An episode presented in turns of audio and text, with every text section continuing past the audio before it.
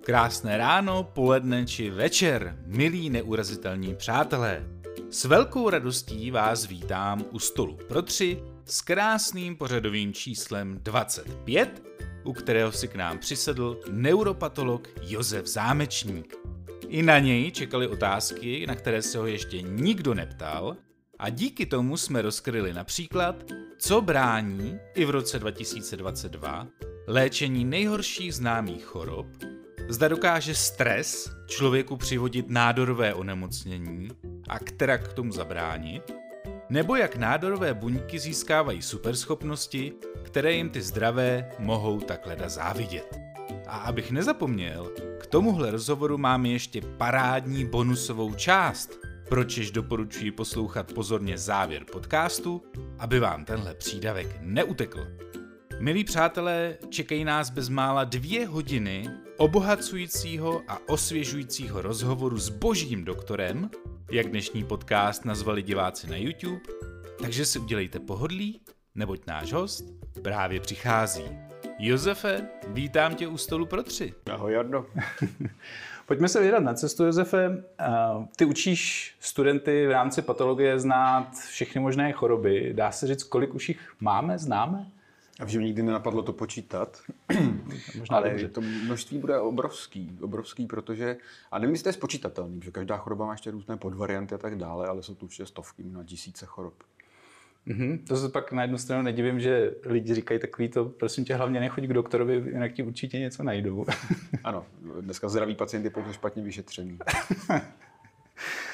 um, jak rychle ty nemoci přibývají, dá se to říct? Objevují se ještě pořád nějaké nové choroby, nebo už jsme se nějak ustálili trošku? Tak určitě se objevují nové choroby, protože se mění populace tím, že stárne.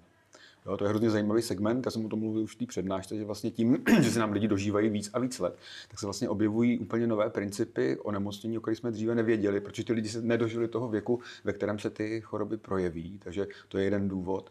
A druhý důvod, proč přibývají choroby, je výzkum, že se zkoumá víc a víc a zjistí se vlastně nějaké nové choroby, které dříve třeba existovaly, nevědělo se o nich a dneska je umíme detekovat a zjistit a e, vlastně co to je choroba. To je jako hrozně složitý e, říct si, e, co to vlastně je nemoc. Jako je nemoc to, že objevíš třeba v genomu nějakou změnu v genu, ale třeba se to nějak neprojeví, je to už nemoc. Není to ještě nemoc, je to jenom predispozice. Ono je to hrozně těžké říct, co to je vlastně choroba. Mm-hmm. Takže ji vlastně můžeme mít každý. Ano. Ještě to ani nevíme. Určitě nejsi zdravý. No, tak sakra, moje iluze jsou hájí. Uh, byl jsi ty konkrétně u objevu nějakých, uh, nebo zažil jsi objev nějaký dosud do té doby nepoznaný choroby? Jako choroby jako celku, že bych definoval novou jednotku, to si hmm. myslím, že asi spíš ne. Eh, my jako patologové tím, jak koukáme do mikroskopu a děláme ty diagnózy, tak občas objevíš třeba nějakou jako variantu něčeho a samozřejmě takový, že objevíš prostě tuberkulózu nebo něco takového, tak to asi ne. Chorobu jsem určitě neobjevil. Mm-hmm. Ty té přednášce Patolog ví všechno a dneska už ne pozdě, kterou máme taky na našem YouTube kanálu, tak si říkal, že právě teďka se dostávají k veslu, když to tak řeknu blbě, ty neurodegenerativní choroby, mm. kterým jsme se dřív právě ani jaksi nedožili. A říkal si, že když člověk trošku sleduje medicínu, tak už vidí i to, že jako takové ty věci, strašidla dnešní doby, Alzheimer a podobně, že už tam se něco děje. Můžeš říct, co tam je na obzoru, na co se můžeme těšit? No, je, tam je celá řada různých přístupů. Takhle, když chceš dělat dobrou jako léčbu, musíš nejdřív pořádně pochopit tu nemoc. Jo? A o tom je ta patologie, pochopení té nemoci. A když pochopíš, co je principem vzniku té choroby, tak v dnešní době už není zas takový problém připravit si nějaké léky, které blokují něco z toho procesu. Eh, Alzheimerova choroba je choroba, která má poměrně komplexní patogenezu. Tam je, je vlastně je, je to patologické střádání takových zvláštních degenerovaných proteinů a oni jsou různé, jich několik. A ty všechny bylo potřeba definovat, objevit a v dnešní době třeba víme, tam hraje jeden protein amyloid, se jmenuje, omlouvám se divákům, a amyloid A beta, což je protein, který je patologický, není nikde jinde v těle a vlastně patologicky se hromadí v té mozkové tkáni roky dlouho, dlouho, než to nahromadí dostatečné množství, aby to udělalo klinickou prezentaci. A my to dneska víme a vlastně ten, ten trik, který dneska se zkouší, tak je takový, že se vyrábí vlastně očkování proti tomu amyloidu. Mm-hmm. Jako není to ještě v klinické praxi a už se testují léky na principu vlastně očkování proti tomu amyloidu. A nebo se vytváří monoklonální protilátky, které označí ten amyloid, který za normálních okolností leží jakoby vlastně v mezi prostoru mezi těmi třeba neurony a nikdo si ho nevšímá, že ten protein dělá chytrou věc, že on se tváří, že je normální, mm-hmm. naše imunitní buňky si ho nevšímají a on tam je a je a ještě víc je, až to celý ušlapé, tak na něho dáš protilátky, aby si ho laskavě všímal imunitní systém a začal ho odtahovat o tom teď. Jo. A, to, taky, a těch přístupů, které se testují na třeba na takovou chorobu, je strašně moc. Samozřejmě ten vývoj těch léků trvá dlouhou dobu, musí především tím testováním, je to na dlouhou, je to dlouhá trať, než to, kterou to musí uběhnout předtím, než je z toho lék, ale tyto léky zrovna už uběhly velkou část té trati, co musí a já si myslím, že v dohledné době eh, se dočkáme uvedení na klinickou prax, do klinické praxe. Třeba v současné době u těchto chorob eh, řešíme nebo řeší neurologové, kteří se o ty pacienty starají, řeší takový ty jako symptomatickou léčbu. Ty víš, že on má nějaký projev a ty máš lék, který ten projev umí zničit. Ale tu vlastní chorobu to vlastně ne, nemění. A když to posuneš v opatrovejš, že začneš řešit ten problém té choroby, tak můžeš mít efektivní léčbu. Mm-hmm. Takže už netlumíme jenom tu teplotu, ale už jdeme ano, i... Ano, ano. Jako to ve smyslu toho, že nedáš jenom lék na teplotu, když máš eh, angínu, ale dáš i antibiotika proti té bakterii. Mm-hmm. Tak vlastně podobným přístupem se eh, postupuje i v těch eh, dalších chorobách, jako jsou neurodegenerace. A já tomu velmi fandím, protože máme léčit tu chorobu a ne následky. Mm. A je vidět, že když se do toho vydátoři opřou, tak, tak ty výsledky jsou. A ty choroby jsou hrozně významné, on se to nezdá, hmm. ale v Čechách máme zhruba skoro 200 tisíc pacientů, to je hodně a bude jich čím dál víc. A to má sebou samozřejmě nejen ten rozměr té choroby, ale má to sobě i socioekonomické e, věci. Takže jako léčba těchto onemocnění je velmi, velmi žádoucí. A to, když Josef řekne, že už to prošlo nějakými klinickými stády, tak je co říct, protože než jsme zapnuli kamery, tak jsme se tady bavili o tom, jak je nemoudré něco utrousit, že, že nějaký lék je na obzoru, protože druhý den mu všichni volají, že... Tak ty si všímáš, jak si dávám ho pozor na pusu, ne? Ano, ano. druhý den všichni pacienti volají, že, že už by to chtěli a jestli už je to v lékárně. Víš to, on to je strašně nebezpečný, tyhle informace, jo, takhle pouštět do vzduchu, protože každý, kdo sleduje lékařský výzkum, tak ví tu lopotnost a jak se člověk musí velmi opatrně. A když si tak nějak pustím pusu na špacír, eh, a tak pacienti, kteří samozřejmě hledají pomoc, tak se toho chytnou a nelze se jim divit. A to nejde jenom o Alzheimerovu chorobu, eh, jde i o mnohem závažnější onemocnění, který prostě v ten moment člověk, když uslyší nějakou naději, tak se jí chytí a je veliká chyba tu naději dávat a dávat jí plánou. Jo, to je problém těch různých eh, trik, trickerů, který prostě eh, na, slibují pacientům, jo, různý šarlatáni a tak, že oni pro ně mají řešení. A vlastně se někdy ani nezlobím na ty pacienty, že když jim moderní medicína nenabídne to, co by potřebovali, že se vlastně na ně asi obrátí. Ale spíše zlobím na ně, že nedávají tu falešnou naději, která, já to považuji za zločin. Mm-hmm. No tohle téma se taky ještě v rozhovoru dostaneme, máme tam na to pár otázek. Um, když se snažíme jako lékařská věda, teď jsem se to do toho teda napasoval taky, ale když se lékařská věda snaží chápat principy... jedním z nás. Já jsem studoval lékařskou fakultu uh, šest, čtyři měsíce a dál jsem to nevydržel. Uh, takže Proč? jsem odpad. No, já, Dobře, říkali jsme, že se budeme bavit jako u piva. Já jsem nedal, já jsem studoval na první lékařský a nedal jsem tu bohorovnost těch, těch kantorů jako když vezmu, jak... Tak jsi jsem dneska jednoho a, pozval, tak jsem si tam, ano, je, teď abych si na tebe smlsnul. Teď tady si to vyřídíme. Bude férovka. Uh, no, jako mně přišlo, že když vezmu, jak je to brutální studium, co všechno tomu člověk věnuje a podobně, tak jako ještě když z nás ty kantoři tak jako dělali idioty, tak jsem to pak nějak... Vrátil jsem se na svoji přírodovědu, dostudoval jsem toxikologii a, a jak Dobrý chtěl, jsem, chtěl jsem dělat soudního lékaře, takže zrovna jako bychom se mohli pobavit o těch pitevnách, co na vás všichni házejí a my bychom to měli oprávněný, ale bohužel. No vidíš? No, to, tak to jsou pak životní osudy. Ale když teda medicína zkoumá příčiny nemocí, aby jim porozuměl, aby je mohla léčit, jsou ještě nějaké nemoci, o kterých, co se týče těch příčin, nevíme lauter nic? No samozřejmě. Mm-hmm. To je naivní představa, že dneska už to máme tak zmapovaný. To je takový, takový, ten určitý jako eh, narcisismus naší, jako, jako, že my už to máme zmáklý, jako jsme chytrý lidi, nemáme. My jsme každý den znovu a znovu překvapeni o tom, co se o těch chorobách dozvídáme. Mm-hmm. A je to dobře, protože eh, kdybychom všechno věděli, tak by byli všichni zdraví. Ale mm-hmm. lidi nejsou zdraví, když se podíváš, to znamená, že tomu zase tak strašně nerozumíme. A občas jsou choroby, u kterých jsme překvapeni a fakt nevíme proč vznikají, nebo jakým způsobem vznikají. Jsou to často choroby, na kterých třeba jsou tak vzácné, že ten výzkum na nich není tak intenzivní jako na takové té eh, tom popu medicíny, jako je cukrovka, prostě Alzheimer, kardiovaskulární choroby, ale je plno onemocnění, které jsou takzvaná vzácná, o tom jsme se taky bavili, hmm. že ta vzácná onemocnění mají tu smůlu, že jsou vzácná, tedy ten zájem tolik nevzbuzují, jako ty častá, ta častá onemocnění. Ale dneska už máme programy pro, pro rare diseases, pro vzácná onemocnění, která se věnují právě jejich výzkumu. A často u těch vzácných chorob překvapivě se objeví mnohem efektivnější léčba, než u takových těch jako chorob, které jsou velmi častý. Jako, mm-hmm. A to jsou věci jako nevím, Pompeho nemoc, oblíbená. No. A to je choroba, která je vlastně strašně vzácná. Když to vezmeš, kolik u nás máme 20-25 pacientů, mělo by být nějakých těch 300, ale nejsou. A tam se zjistilo, že tam je skutečně vlastně jednoduchá vlastně porucha jednoho enzymu a ten enzym tomu pacientovi prostě dodáš. Není to úplně jako stoprocentně skvělý, ale skvělý. Mm-hmm. Jo? A to, a to, to je vzácná, vzácná choroba, která dřív to byla nemoc, kdy prostě, když to někdo měl, tak to prostě měl a umřel. Mm. A v dnešní době prostě není potřeba. Dokonce se dá fungovat jako libovolně dlouho. Jo, a takovéhle onemocnění je hrozně moc a v tom je zábavný ten výzkum, že ti to dá možnost tohle pochopit a pak třeba, jako já jako patolog nebádám léčbu, to je biznis někoho jiného. Občas si říkám, že to je škoda.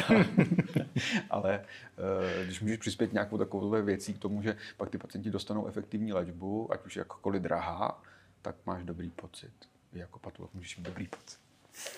Eh, s tím souvisí jedna otázka, která nám přišla, co považuješ za největší řekněme, zázrak za tu dobu, co děláš medicínu? Co, co. No pr- právě ty, tyhle ty léčby, mm-hmm. těch vzácných onemocnění, který uh, dřív prostě naprosto beznadějně, jako se člověk, jo, máš pacienta, jako třeba svalové choroby, jak jsme o nich mluvili, a dřív to když vezmeme tu nejčastější svalovou dystrofii, Dyšenovou chorobu, strašidelná choroba celé rodiny a že dřív to bylo tak, že ten chlapec prostě 18 let před očima umíral a umřel a to všechno, co se jako dělo, horor, hmm. tak v dnešní době 50% našich chlapců, kteří mají tuhle chorobu, mají genovou léčbu a nepoznáš, že jsou skoro, že jsou nemocný. To je prostě, to je zázrak. Mm-hmm. Jo? Nebo máš prostě před sebou leží dítě, který ještě před deseti lety bych věděl, že ho vidím, prostě tam leží s těžkou, těžkou metabolickou vadou a je jasný, že ho nedožije prvního roku života. A když přijde a chodí do školy, to jsou zázraky. To je jo, jo, a je to reálný. Je to strašně drahý. Hmm. Ale je to dneska už jako realita. Bohužel ne pro všechny pacienty, ale někde to začít musí. A v tomhle vidíme hodně jako tu budoucnost té medicíny, v tom, že budeme dávat ty léčby cíleně, jako nejen v rámci cílené léčby, ale že vlastně cíleně zacílíš na skutečnou příčinu onemocnění a on se uzdraví.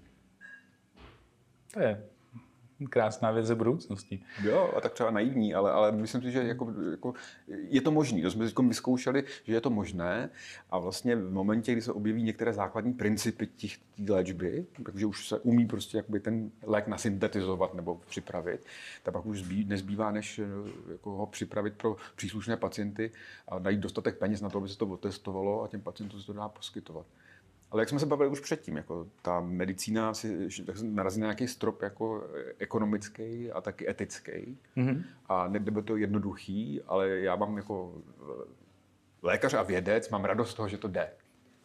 A jsem má, ještě větší radost mám, že to nemusím řešit ty otázky ekonomicko-etické. To je další věc, ano.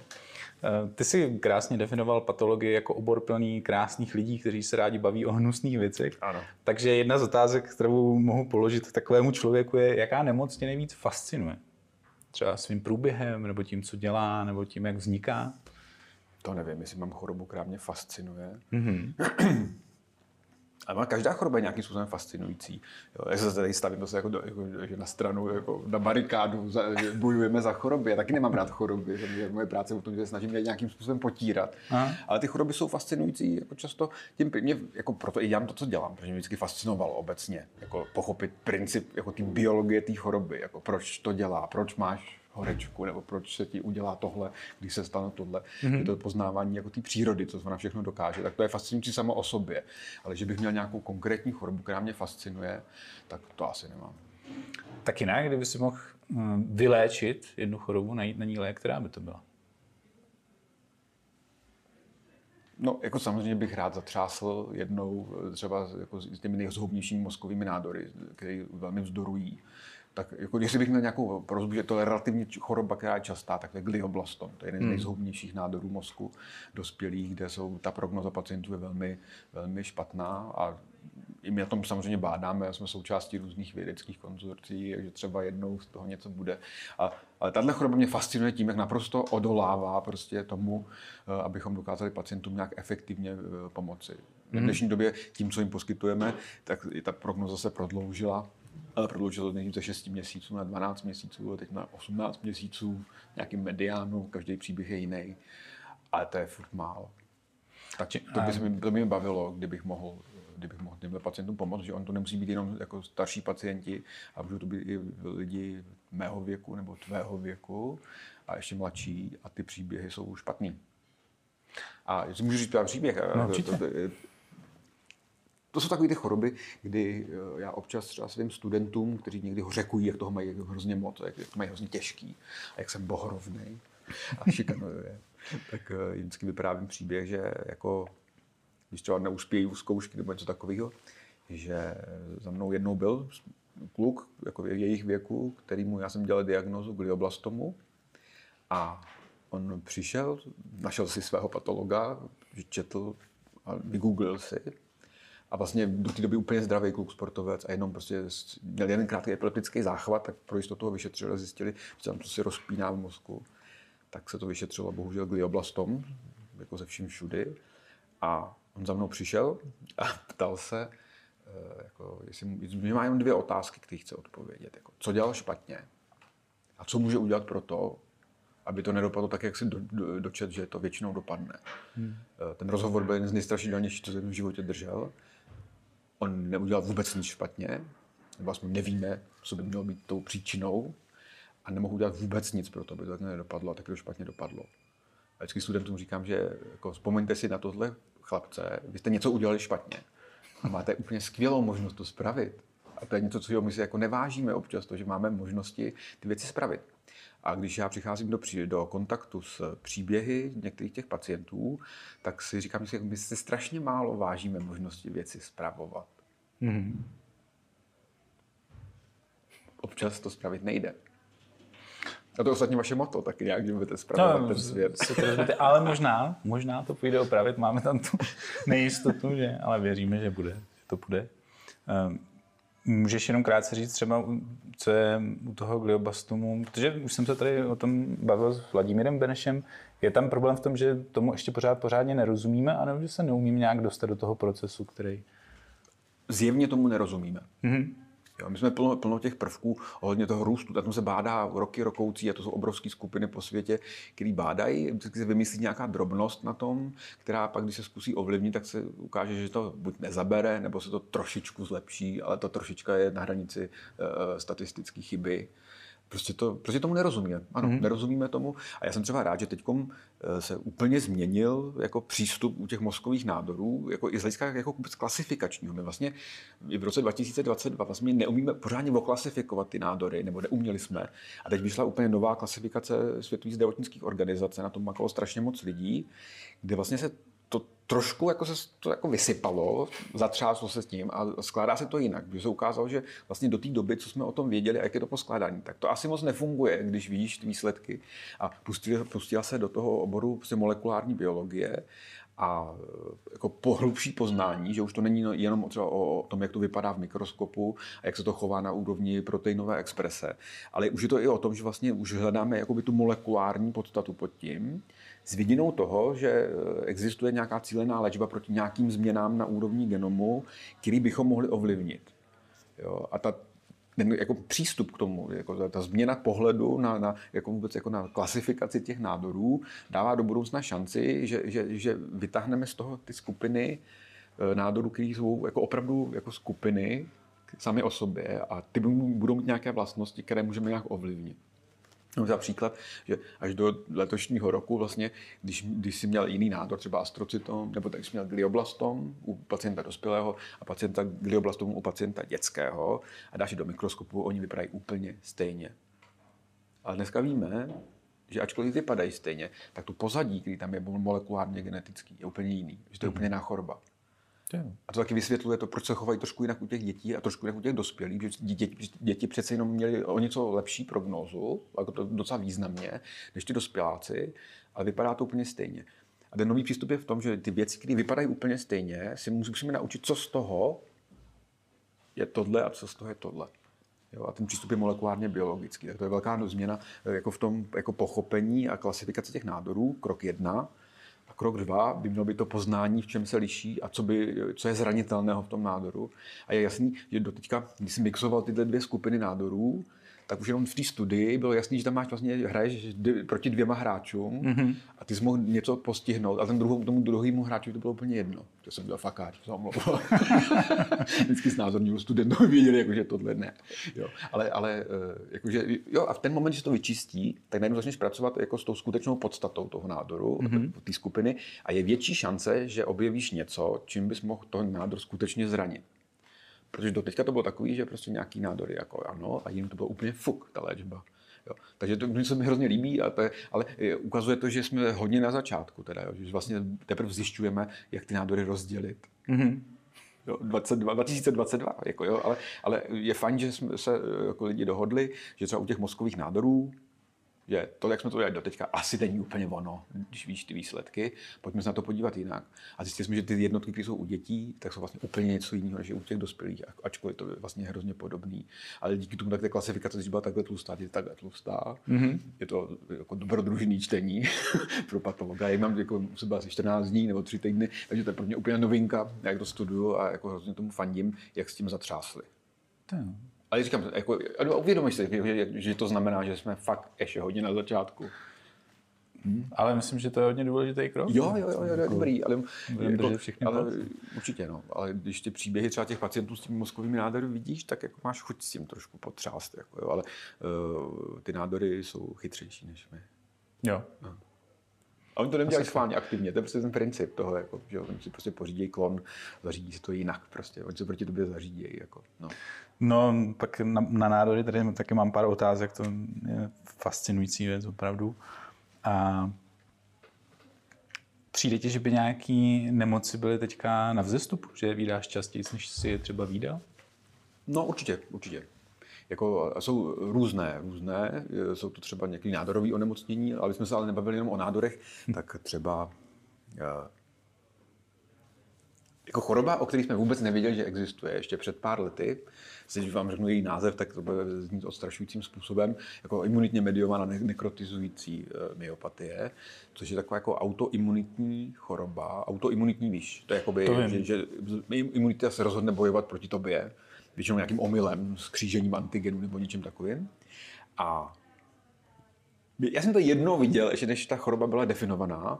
A to jsme měli s kolegou jednoho pacienta, já jsem udělal biopsi a ten eh, pacient jde léky proti cholesterolu, jsem měl statiny, a ten pacient, on se, o nich se ví, že oni jsou nějakým způsobem myotoxický. To znamená, mm-hmm. že mohou toho pacienta, že bude oslabený nebo má zvýšené enzymy svalové a tak. A o tom se ví roky, rokoucí. Když to má, tak se mu to vysadí, on se to zlepší.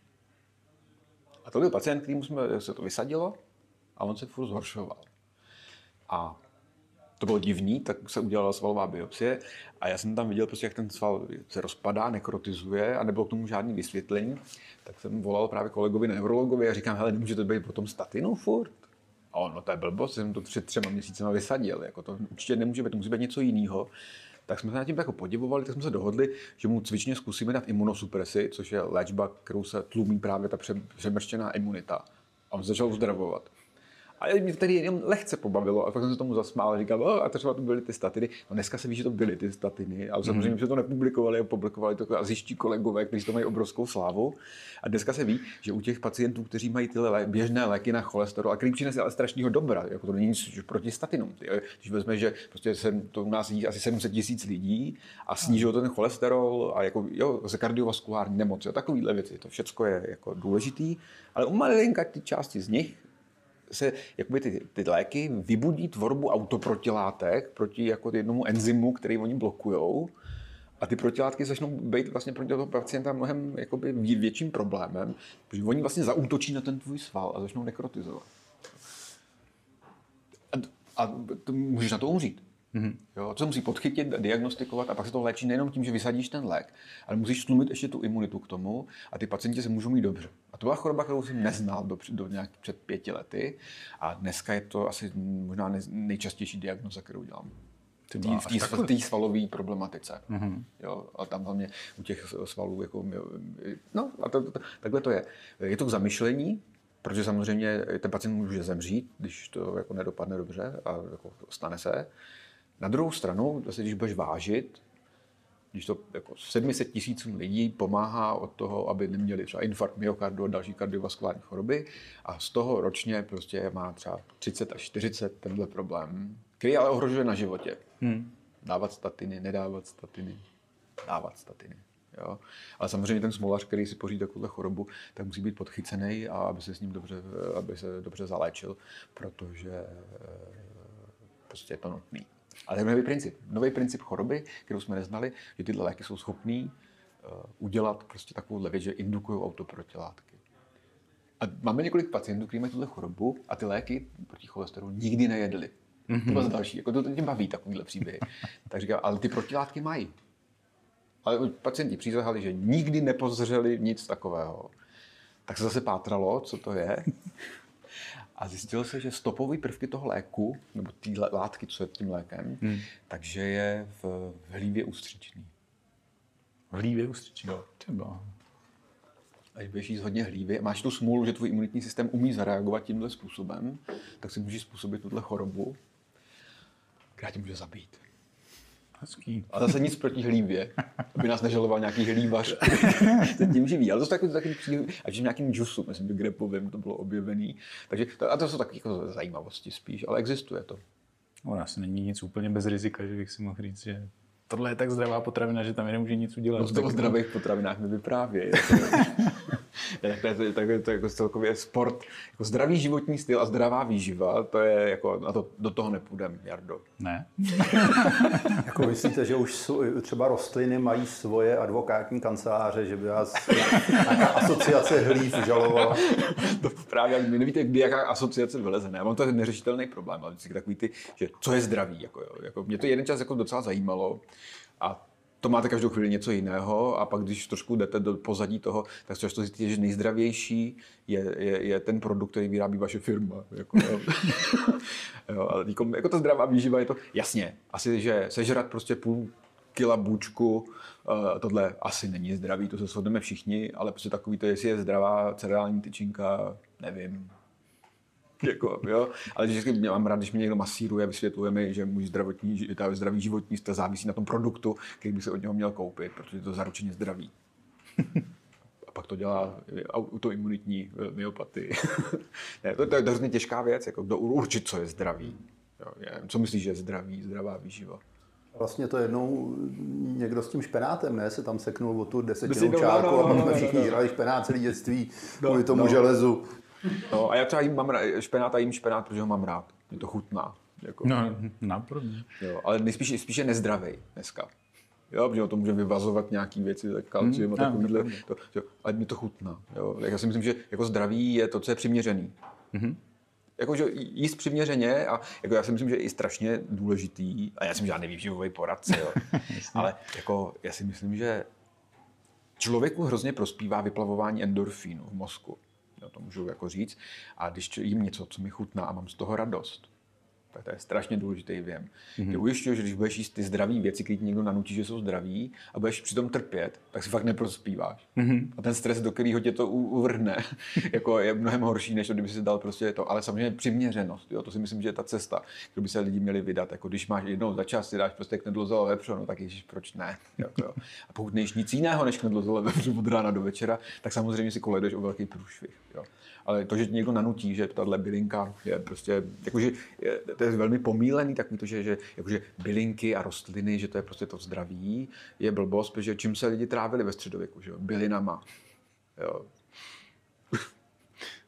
Jsi měla hrozně hezkou poznámku, teď už nevím, ve kterém to bylo rozhovoru, nebo jestli to bylo u, u učebnice v tvém medailonku, ale že jsi říkal, že jako jestli se lidi dobrovolně chtějí připravit o život, tak klidně, že eh, když jsme měli k dispozici jenom právě přírodní medicínu, přírodní léčiva, tak se lidi dožívali 30-40 let. Ano.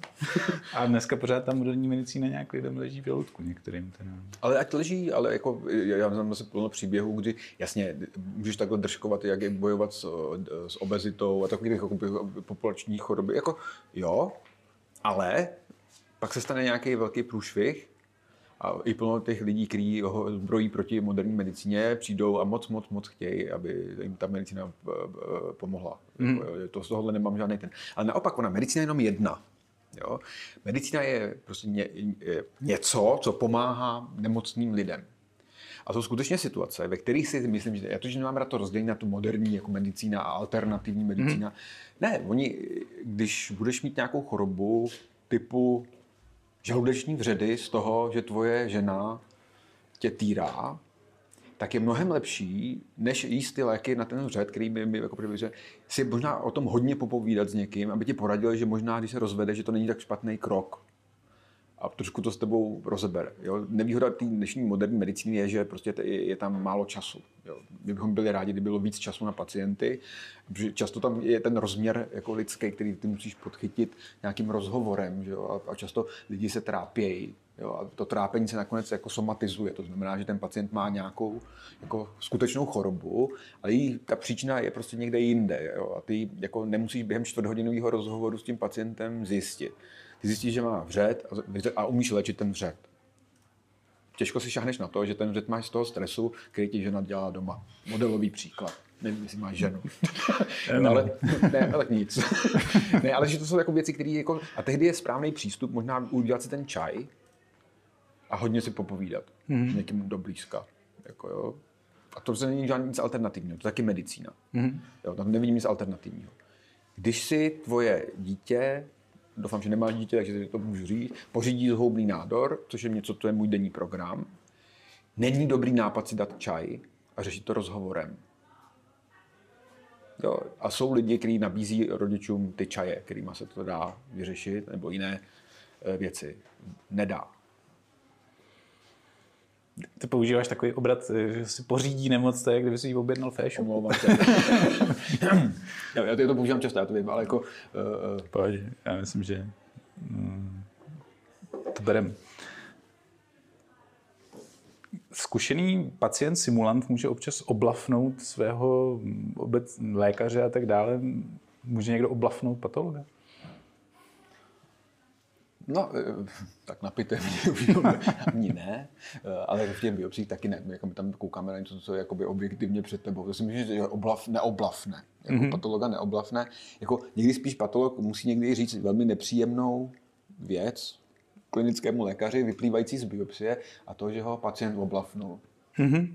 Jo, protože jak máš v medicíně, máš plno věcí, kdy my umíme něco zjistit, umíme něco změřit, umíme na pacientovi něco zjistit v krvi a tak dále, ale existuje pár velice důležitých jakoby, příznaků nemocných tohle, který musíš pacientovi věřit.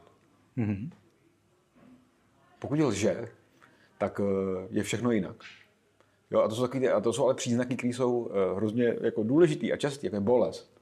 Mm-hmm. Když mi budeš tvrdit, že ta noha strašně bolí, já nevím, jestli to je pravda. Já to musím věřit. A my vždycky věříme pacientům, že ty příznaky mají.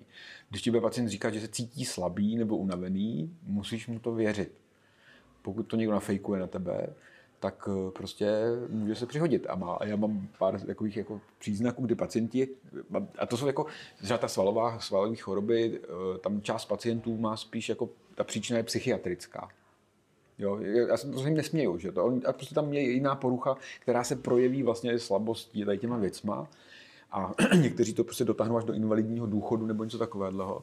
A pak jako nastane nepříjemná věc, kdy prostě už ze zoufalství třeba ten lékař, který se stará o takového pacienta, provede biopsi, aby se objektivizovalo, co v tom svalu teda je.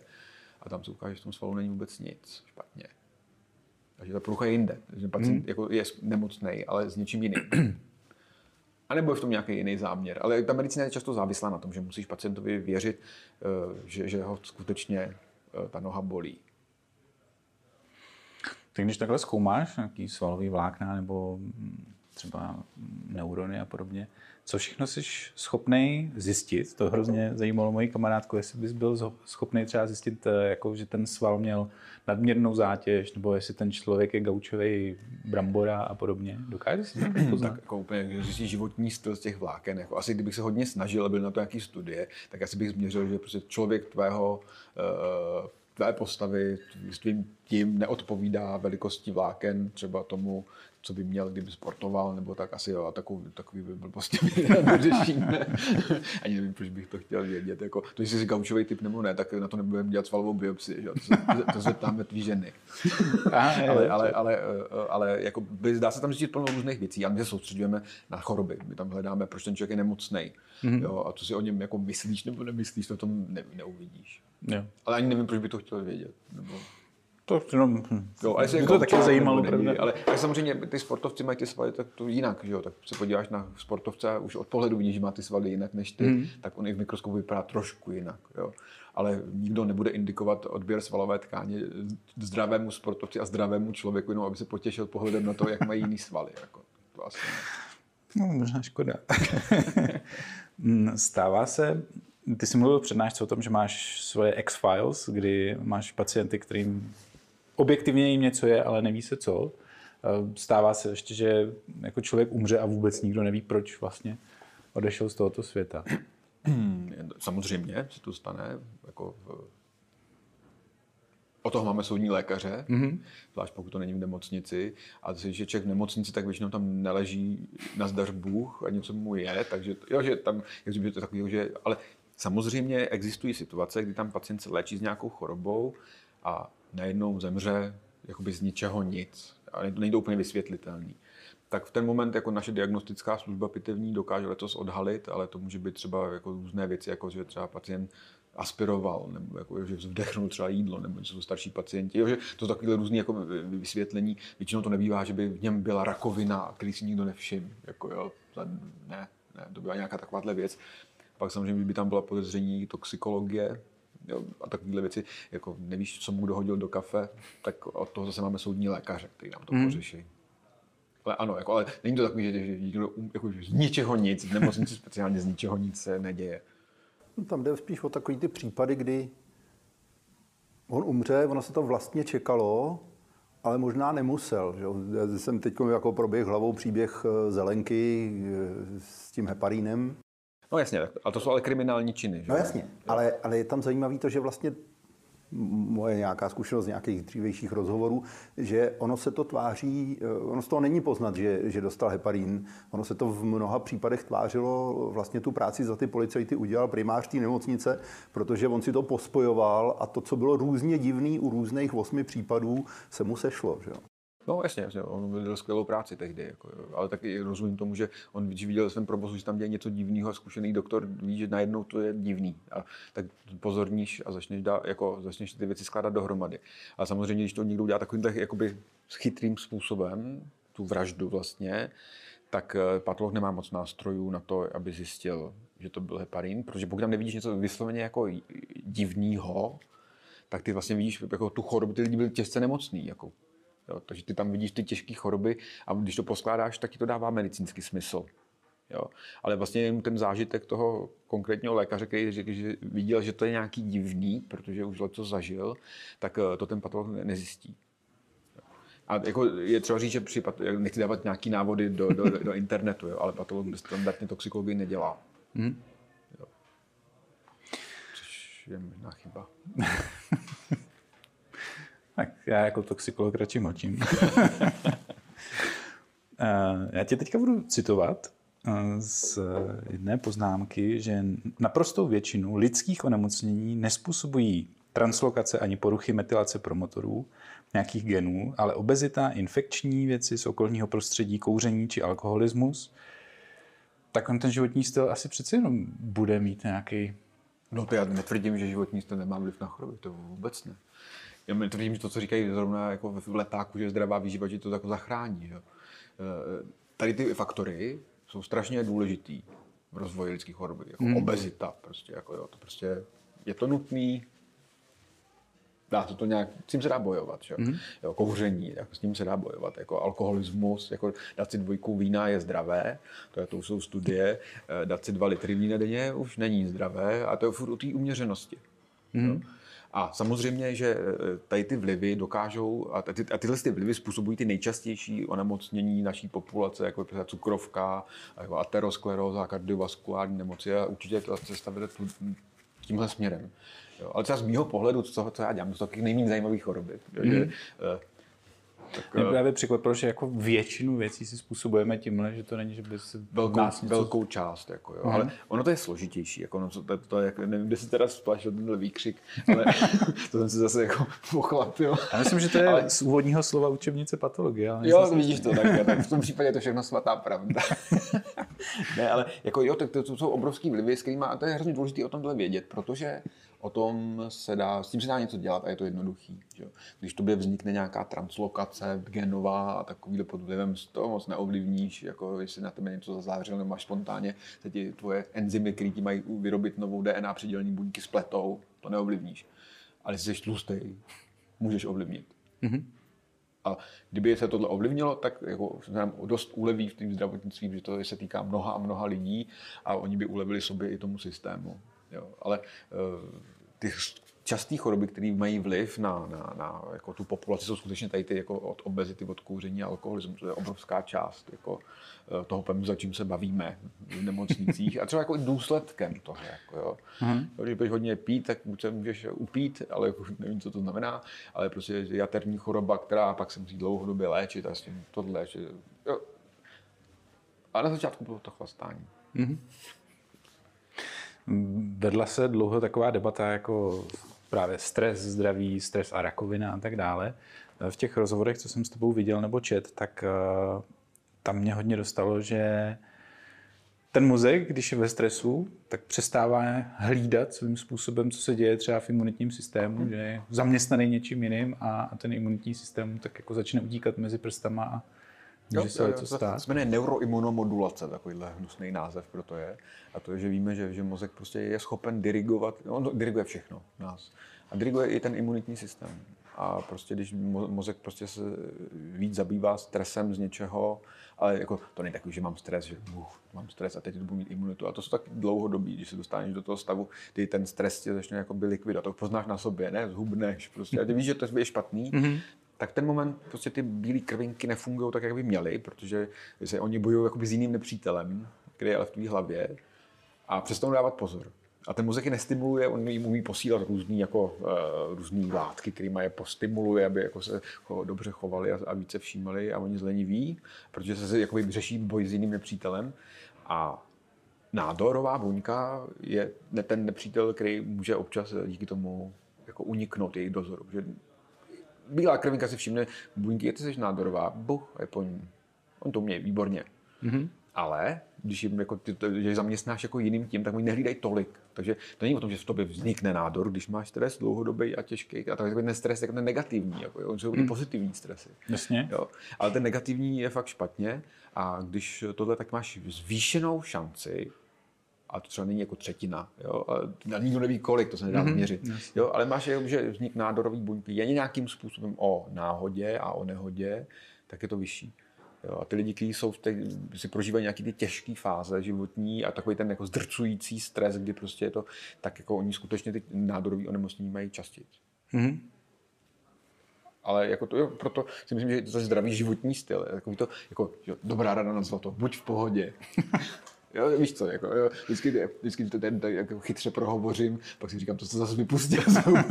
Taková do, dobrá, dobrá hrada na zlato, jako, jo, nebuď ve stresu, Jardo. Mm. Jo. Nesmí, nesmíš si pouštět televizi, ne, no, nesmíš, no a to, to jsou věci, které jako když máš, jako, to se ví jako z jiných studií, že, že máme to, že ukrajinskou krizi, to, to, to, to je prostá tragédie a to se dlouhodobě ví, že třeba u těch běženců a ne ukrajinských teď a to jsou lidi v těch, ten, ten, ten stres. Mm-hmm. A u těch lidí pak ty nemoci jsou častější. Jako to není překvapení, to se ví už jako z jiných těch krizí a jako dokážeš představit ten stres, jako hmm. to, jak vždycky říkám, jako jsem dneska ve stresu, jako to bych zakázal jako sousloví, protože to je, není nic, čím ty, jako když porovnáš s tím stresem, v kterém musí být tyhle ty lidi.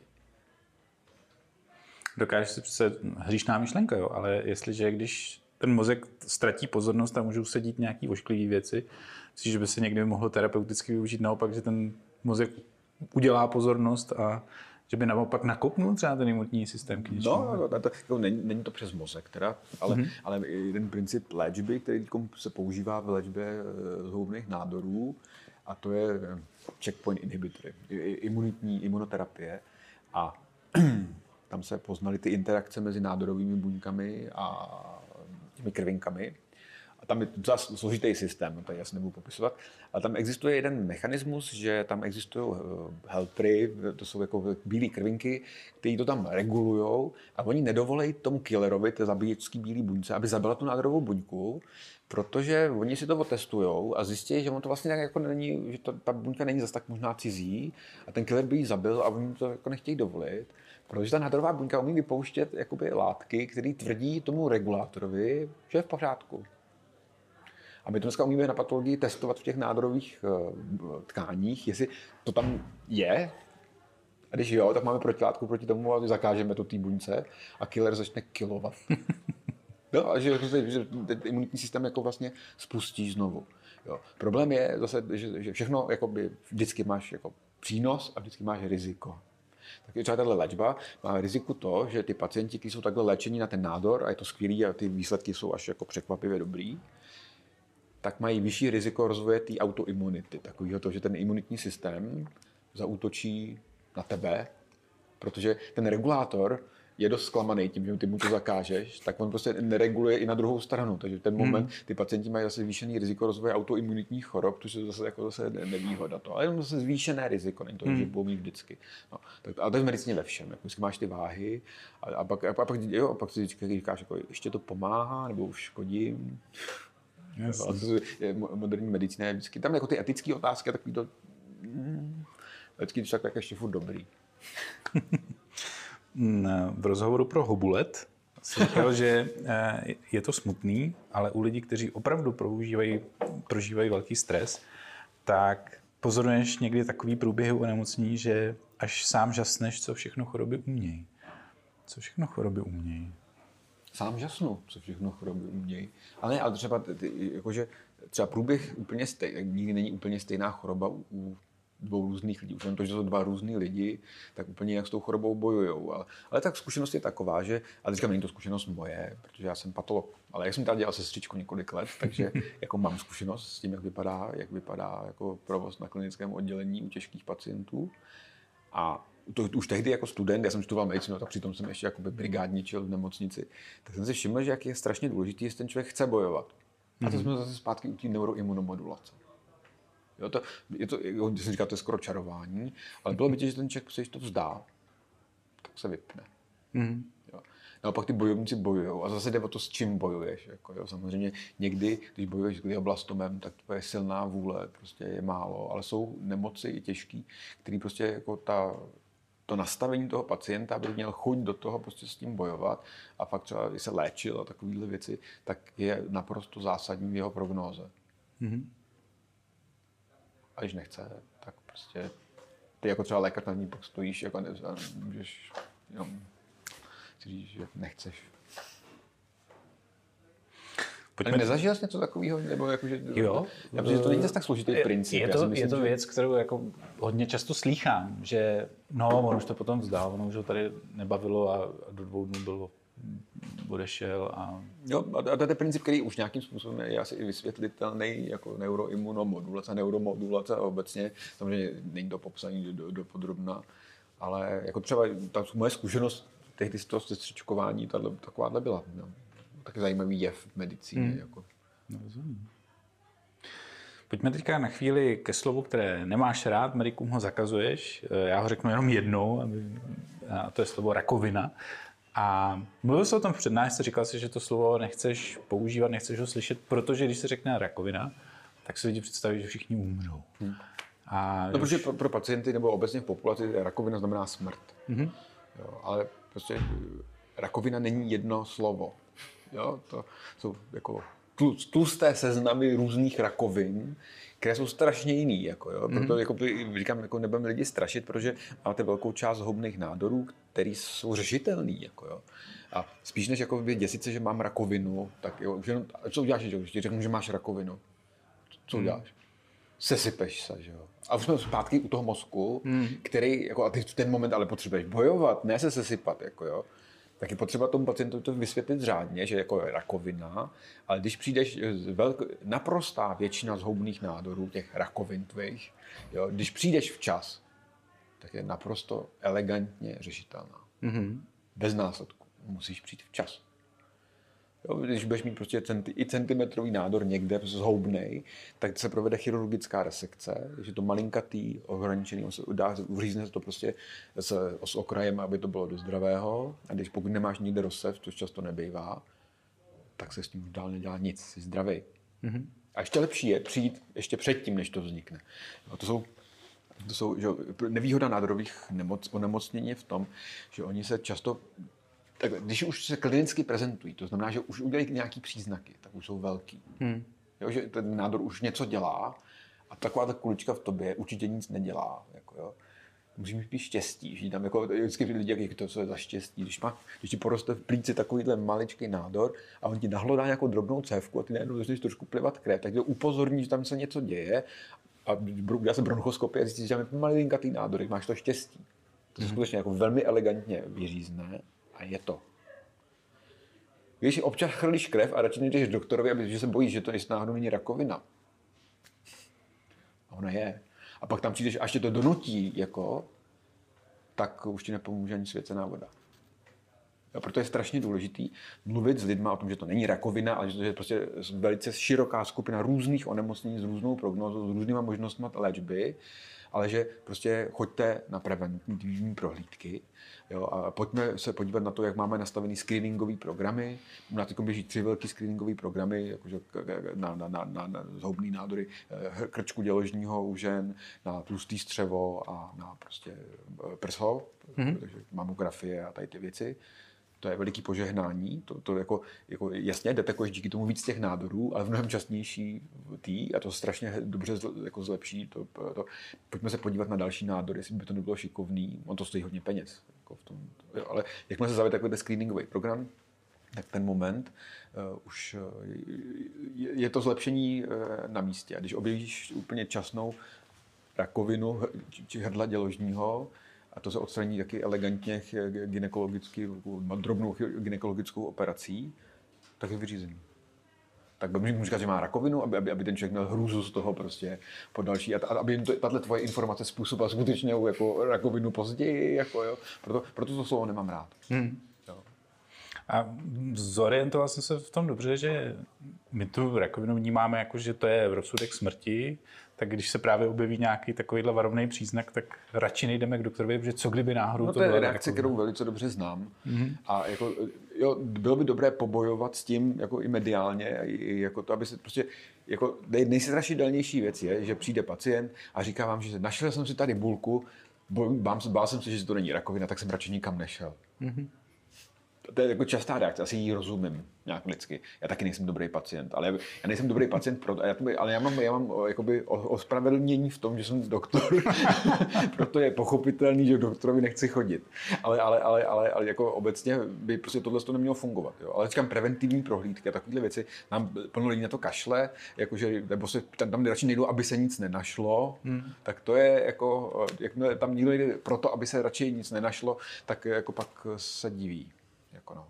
A při nějakém věku už asi, by, asi, když budeš chodit pravidelně ve 25 letech na proti jako preventivní, tak tyhle lidi bývají zdraví. Jo? Mm-hmm. Ale když už těch 50, 60, tak asi docela bych se o sebe staral. Proč máš jako doktor ospravedlnění, že si tě nechce k doktorovi? Na to nechci odpovědět.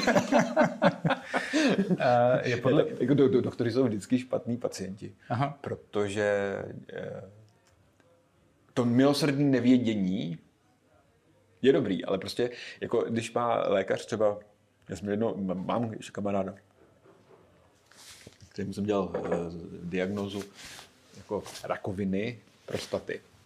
Ale ono tak, tak jako eh, karcinom prostaty je poměrně eh, široká, široká paleta různých jakoby nádorových onemocnění s různou prognozou, s různým chováním.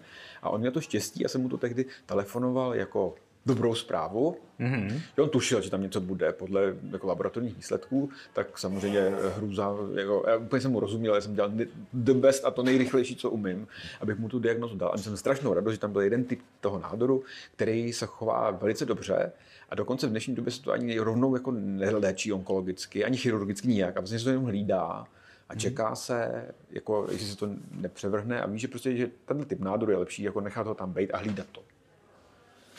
A on mi pak zahlásil poměrně krátce potom, že se objednal na operaci k mému kamarádovi a že je prostě ne, poměrně velký výkon, prostě, že, že to prostě nechá jako vyndat. A já říkám, co ti vysvětloval, že eh, tohle, on říká, já prostě s tím nedokážu žít, já si to představuju, co se tam ve mně děje a já prostě vím, jak to vypadá a já to prostě nedokážu. Že prostě já, ne, já nedokážu myslet na nic jiného, než na to, že prostě ve mně tohle roste a protože bohužel to znám a vím, co to je, tak já nedokážu s tím žít, jako že bych měl přijít za půl roku na kontrolu. Jako. Mm. Tak jsem si to říkal, kdyby se mě, nedej bože, ve mně něco takového dělo, asi bych nedělal nic jiného. Doktoři jsou špatní pacienti, protože jakoby do toho moc vidějí, hmm. jo, a je dobrý, e, jako já třeba, já zaplať pambu teda, to, to znovu, e, e, jak jsem nebyl nikdy nemocný a doufám, že to ještě dlouho vydrží, ale když nějaká jako se přiblíží, tak jako třeba je dobrý, že jsme se domluvili, jednou jsem jako potřeboval pomoc lékaře a tak jsme se dohodli o tom, že si budu hrát na pacienta, že si o tom nebudu nic představovat, nebudu si o tom nic hledat a nebudu vůbec používat svůj mozek při léčbě tohohle onemocnění, protože on jako říká, jak ty přestanu léčit, protože prostě tohle se nedá, abys mi toho takhle kecal. A ty si dokážeš, jasně, že my si to dokážeme představit a to je pro, pro, ty, pro ty lékaře vždycky poměrně jako náročný onemocnět. No. A pak navíc ještě, a ne, to, to nebudu říkat dál. Kamarád má moc hezký příměr. Jeden z takovýchhle nádorů připodobňoval lajkovi k čivavě. Říká, hele, to je jako když jdeš běhat a kolem kotníků se ti motá čivava. Steklá, ňafá, ty voní furt víš. Ale taky víš, že tě nejspíš nezabije. Může tě škrábnout, může to, ale nezabije. tak tady musím teda říct pozor. Pepa má čivavu doma. Protože já mám čivavu doma a ta by vás určitě zabila. Ale to, to, ta čivava není zase tak jako, jak ty čivavy, to je ten další věc, jako být prostě patolog s čivavou mě vždycky baví a ty čivavy jsou tak jako podceňovaný. Jako, jo. Čivava mě připraví o duševní zdraví. Jako. My jsme si pořídili domů takže alfa samce. Jako konečně přišel, a to už jako, on už byl štěňátko, tak prostě jako a my jsme si ho prostě vybrali a já říkám, teď mi nejvíc líbí, že byl z nich nejstatečnější. Jako jo. A ta kamarádka, co tam s náma byla, vybírat v tom, a říká, no, on je nejstatečnější, ten vám urve hlavy pak časem. Jako, že, že, tam běželi, tak ještě nějak tam běželi se schovat a ten už říká, a stoupil se na ně. A, a on takhle jako funguje, protože alfa samec, když jsme ho poprvé přivezli domů, jsme ho vyndali, on vyšel z toho z té klece a se postavil jako tak, jak to tady uděláme. a do dneška nám ordinuje prostě jako, že alfa samec, jo, ale jako miláček a všechno, jako, ale, ale, prostě zkouší, jako, že není to žádná jako gaučák, jako, jo, hmm. takový jako malý tygr, který prostě fakt potřebuje to a vždycky se fakt, to, gau, jak tam drží to vsteklá čivava na gauči, tak tahle čivava si dokáže, a tak nás manipuluje a teď prostě, a že nejhůř, to, že mě roztomilej. Jako, když na něho vždycky vyběhnu, že tohle dělat nebude, tak on hmm. No a nadávej tomu rostlinnému zvířátku. No, jasně. A to můj otec vždycky, když třeba jedeme cestovat, tak vždycky ho půjčím jako rodičům na hlídání hmm. a vždycky táta říká, tak pojď Jonášku, pojď si na chvilku zkusit, jak to vypadá, když jsi psem.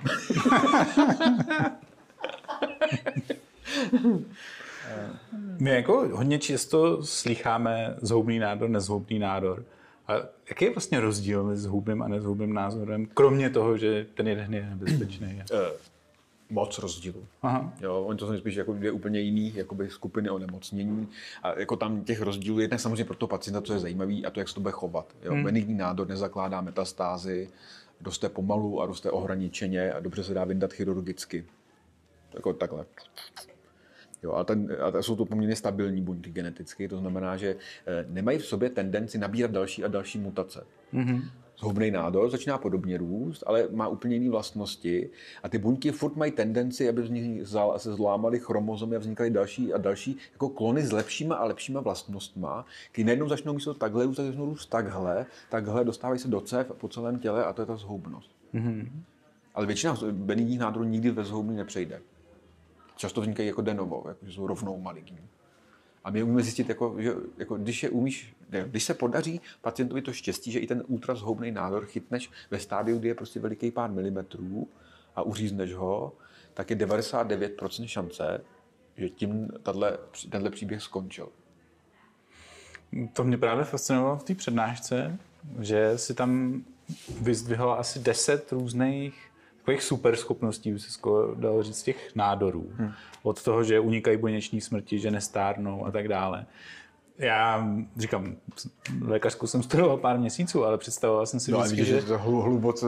že, že jako dobře, buď se něco zblázní, ona se začne třeba nekontrolovaně dělit, nebo, nebo odmítá umřít, ale tohle to je skoro, jak když se z ní stane jako nějaký super mega zabiják, že najednou jako má tuhle schopnost, tam tu schopnost. A no, ona postupně nabere skoro z každý, jako ty zhoubné nádory mají vlastně skoro z každý z těch skupin, jak jsme si říkali, co všechno musí nádorová buňka aby, umět, aby byla skutečně zhoubná, hmm. tak dneska víme o těchto deseti skupinách vlastností a ona skoro všechny musí mít. Ono vlastně je jedno, čím začne, Hmm. Ale postupně, tím, jak má nestabilní genom, tak má tendenci sama vytvářet nové mutace.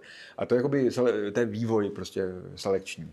Jo, ty, který, jako, ona ta buňka taky z zlomí chromozomy a jí, nebyl to dobrý nápad. Ta buňka umře, neutáhne to. Jo, to je mnohem častější dokonce změna, ale ta buňka, jak se tu často dělí ty zhoubní nádory, tak vlastně tam umře strašně moc buněk, který vymyslí mutaci, která je prostě k ničemu a je zahubí je to. Mm-hmm. Ale selekčně se vyberou ty, který je to nezahubí a naopak je to posílí. A tím, jak těch buněk je hodně a množí najednou, tak prostě najednou sám vyselektuje klon, který se umí zabijácké schopnosti a ten pak začne dělat ty problémy. Mm-hmm. To skoro zní jako, že ty, že ty maligní nádory jsou nádory, které na sobě makají. No, jako člověk, člověk, tím, jak se, se tím denně bavíme, tak člověk má snahu jim dávat na přirozené schopnosti a vnímáme, jako, že to jsou nějaké inteligentní bytosti, které v nás jako bydlí. Spíš o tom pak mluvím třeba pro stu, se studentama, tak on se občas smějou, že jim dáváme jako na přirozené schopnosti a že to je, že to je eh, že to není jako, že to, že to není bojovník nebo něco takového, to je prostě buňka, která se zbláznila a prostě chová se agresivně, je to prostě příroda, hmm. ale mě to baví se o tom takhle bavit a přemýšlet o tom. A oni prostě dneska, tím, že umíme zmapovat ty jednotlivé vlastnosti, tak je velká šance, že budeme mít možnost na ty vlastnosti nějak jako sáhnout. Je to, že máte zhoubný nádor někde a on založí metastázu někde, totiž není náhodný. Mm-hmm. To je dlouho si myslel, že to je náhoda. Jako, že zrovna, a že zrovna jak na potvoru vždycky tam. A ne vždycky, to je tak další věc. Jako, jo. Mm. ten proces toho, že se ten nádor sebere a usadí se v jiném orgánu, je tak složitý proces biologického pohledu, že jeho, jeho zmapovat je strašně složitý. A i v roce 2022 jsme úplně na začátku pochopení toho, proč zrovna je to tam. Máme často, když by nádor v tlustém střevě, jak nejbližší jako odtok krve vede přes játra, a skutečně tam bývají nejčastější metastázy. Ale některé studie ukazují, že vlastně za to nemůže úplně takový to jednoduchý vysvětlení, který jsme měli, ale že tam je velice složitý prostě kompartment, jako komunikace mezi tím nádorovou buňkou, tím mikroprostředím, co tam je a takovýhle. A že tam je plno, že ty buňky pak najdeš často někde ještě úplně jinde, kde metastázu nevytvoří, protože jim to ty, ten jiný orgán nedovolí prostě díky tomu. A to jsou strašně zajímavé interakce mezi těma buňkama, tím nádorovejma a nenádorovejma, který je potřeba podchytit a pochopit, my nechápeme Protože tudy povede cesta, že tím nádorový buňce zakážeš vytvářet metastázy, což je ten hlavní problém těch zhoubných nádorů. A nejdřív se to musí pochopit. Jo. A když jdeš na ten kongres a díváš se tam, prostě, co se všechno ví, jsou tuny, to jsou prostě se tvrdí, že eh, publikace o zhoubných nádorech a jejich vlastnostech už dávno to množství přechrlilo i ty nejzhoubnější nádory, jak se chrlí ty informace. A přesto, furt, když to jako vezmeme, potrhneme, tak si nemyslím, že toho víme dost. Mm-hmm. Že kdyby se to věděl, že se testuje léčba, jako to samozřejmě. A třeba ohledně takový jednoduchý proces metastazování, tak zůstává poměrně nepochopený. Ty jsi říkal, že, že možná i v procesu toho rozhovoru, co tady sedíme, takže z nás mohly vzniknout buňky, které mají potenciál stát se nadorovými, ale zabili je imunitní systém. Může každou nádorovou buňku zabít imunitní systém, anebo jsou určitý nějaký změny nebo to zvrhnutí se buňky, který ten imunitní systém nemá šanci, kdyby se snažil? To jsou ty nejúspěšnější nádory, jsou ty, které se umějí tvářit, ta nádorová buňka je normální. Mm-hmm. Jo, to, buňka udělá občas chybu, že se prozradí, že třeba, že v ní vznikne nějaká bílkovina, která normálně vůbec eh, jako na lidském těle není, nebo, nebo nemá tam být. A to okamžitě pozná imunitní systém a, a koná. Mm-hmm. A nej, nej, největší trik, co nej, jako ta největší zprostost těch nádorových buněk je, že oni se umějí tvářit, že jsou normální. Jo, a, ten, a ty, jako ten princip té moderní léčby je zjistit, v čem je nenormální a to, ne, tu nenormálnost ukázat tomu imunitnímu systému. Mm-hmm. Jo, na různých úrovních, jako je to docela jako Ale říkám, ty nejúspěšnější nádorové buňky se tváří, já jsem tvoje kamarádka, mm. jako, a dej mi pokoj, ne, nešahej na mě, krvinko. Jo, a to, to je ten trik špinavý. Protože hmm. ten, pak ten imunitní systém si řekne, po, pohodě. Jo, a třeba nebo nějaká část imunitního systému to přinese ten antigen, že hele, tady to je nějaký divný, tak přijde kontrolní buňky, se zkontrolují, řeknou, hm, pohodě. A vypne tu, ten, a ty neotravují.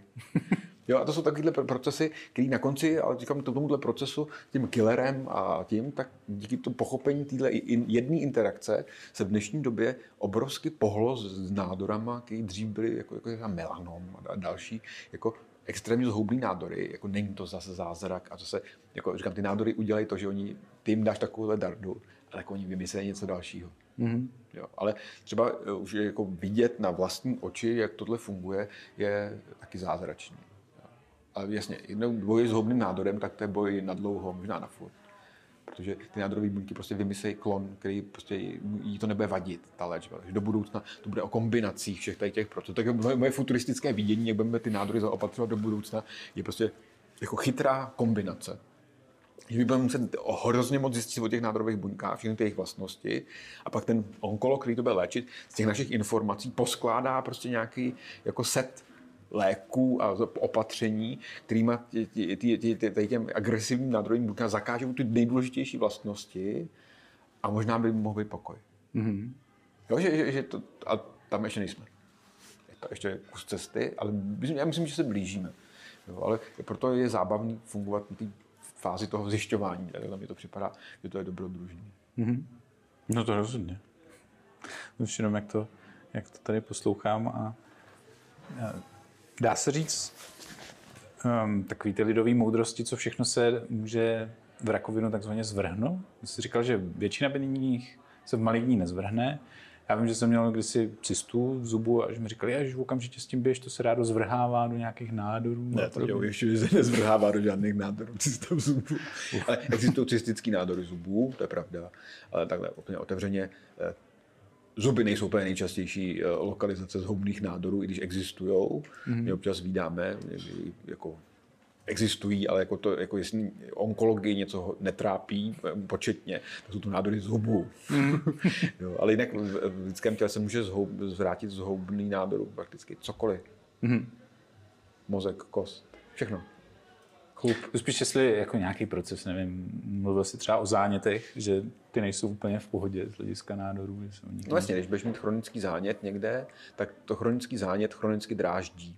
Hmm. A když něco dráždíš, tak zase zvyšuješ pravděpodobnost, jo, že budeš mít uh, nějaký nádor. Proto víme, že třeba pacienti, kteří mají chronickou gastritidu způsobenou jednou bakterií, se jmenuje Helicobacter pylori, tak eh, mají dlouhodobě problémy v tom, že není úplně dobře, bolí břicho, mají gastritidu a ten chronický zánět po těch letech tak vydráždí tu sliznici, takže jako ty buňky eh, produkují různé působky, kterými prostě tam se snaží jakože pomáhat, ale když pomáhají moc dlouho, tak můžou naindukovat změny, že prostě ta, na, na, ty, na, ty buňky začnou měnit v té sliznici, to tam jsou původně.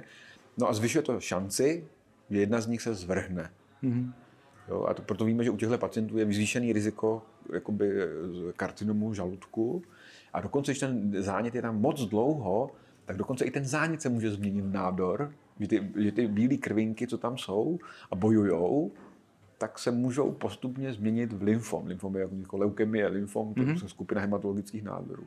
Takže z tohohle pohledu je strašně důležitý ty pacienty hlídat a léčit jim ten chronický zánět, aby nedošlo a hlídat je, aby nedošlo k zvratu do něčeho zhoubnějšího. A jasně, pacientů, kteří mají chronickou gastritidu, máme strašně moc, mm-hmm. ale těch, kterým se to zvrhne v ten nádor zaplať pámbu, je relativně málo z té obrovské masy. Ale to riziko tam je, musíš o něm vědět a dá se s tím pracovat. Pojďme teďka trošku víc obecně k medicíně, obecně k, zase k dalším částem tvé práce. Když jsi mluvil o peroperační biopsii, tak jsi říkal, že neboj, nebudu se ptát na to, co jsme tady řešili před rozhovorem, ale uh, říká se, že chirurg otevře pacienta a najde tam něco, co nečekal. Jak často se to stává, že chirurg otevře pacienta a tam je něco, co nečekal? V době rozvoje uh, zobrazovacích metod to je zdaleka méně časté než dřív. Kdy prostě byl k dispozici třeba rengen a nic. Jako dneska plno pacientů má že všechny ty CT, magnetické rezonance, tak takový, že to otevření co úplně žasné, tak eh, to moc časté není dneska. A to říkám díky rozvoji rozobrazovacích metod. Ale občas se stane. Mm-hmm. Jo, ale už je to mnohem vzácnější než dřív. Dneska už jakoby, teďka to, co tam může tušit, už ví předem, protože to pacient si de facto prohlídne ne a poté, co otevře břicho, ale dávno předtím na rezonanci nebo na CT. Ale i ty zobrazovací metody nejsou jako stoprocentní, takže on může něco objevit během té operace a pak si to pošle. Mm-hmm.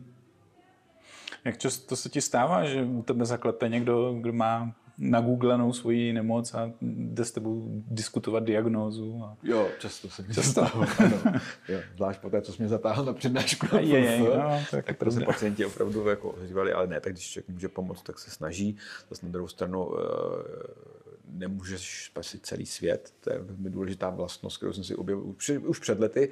Jako to občas to u mě způsobovalo chronický stres Mm. Protože umět si připustit, že nelze spasit celý svět a nemůže se postarat o všechny pacienty celého světa. A na druhou stranu nechceš fušovat do práce kolegům, kteří se o to pacienta nějak starají. Každý pacient, když zvlášť chroničtí pacienti, jako někteří, mají pocit, že by se mohli mít lépe.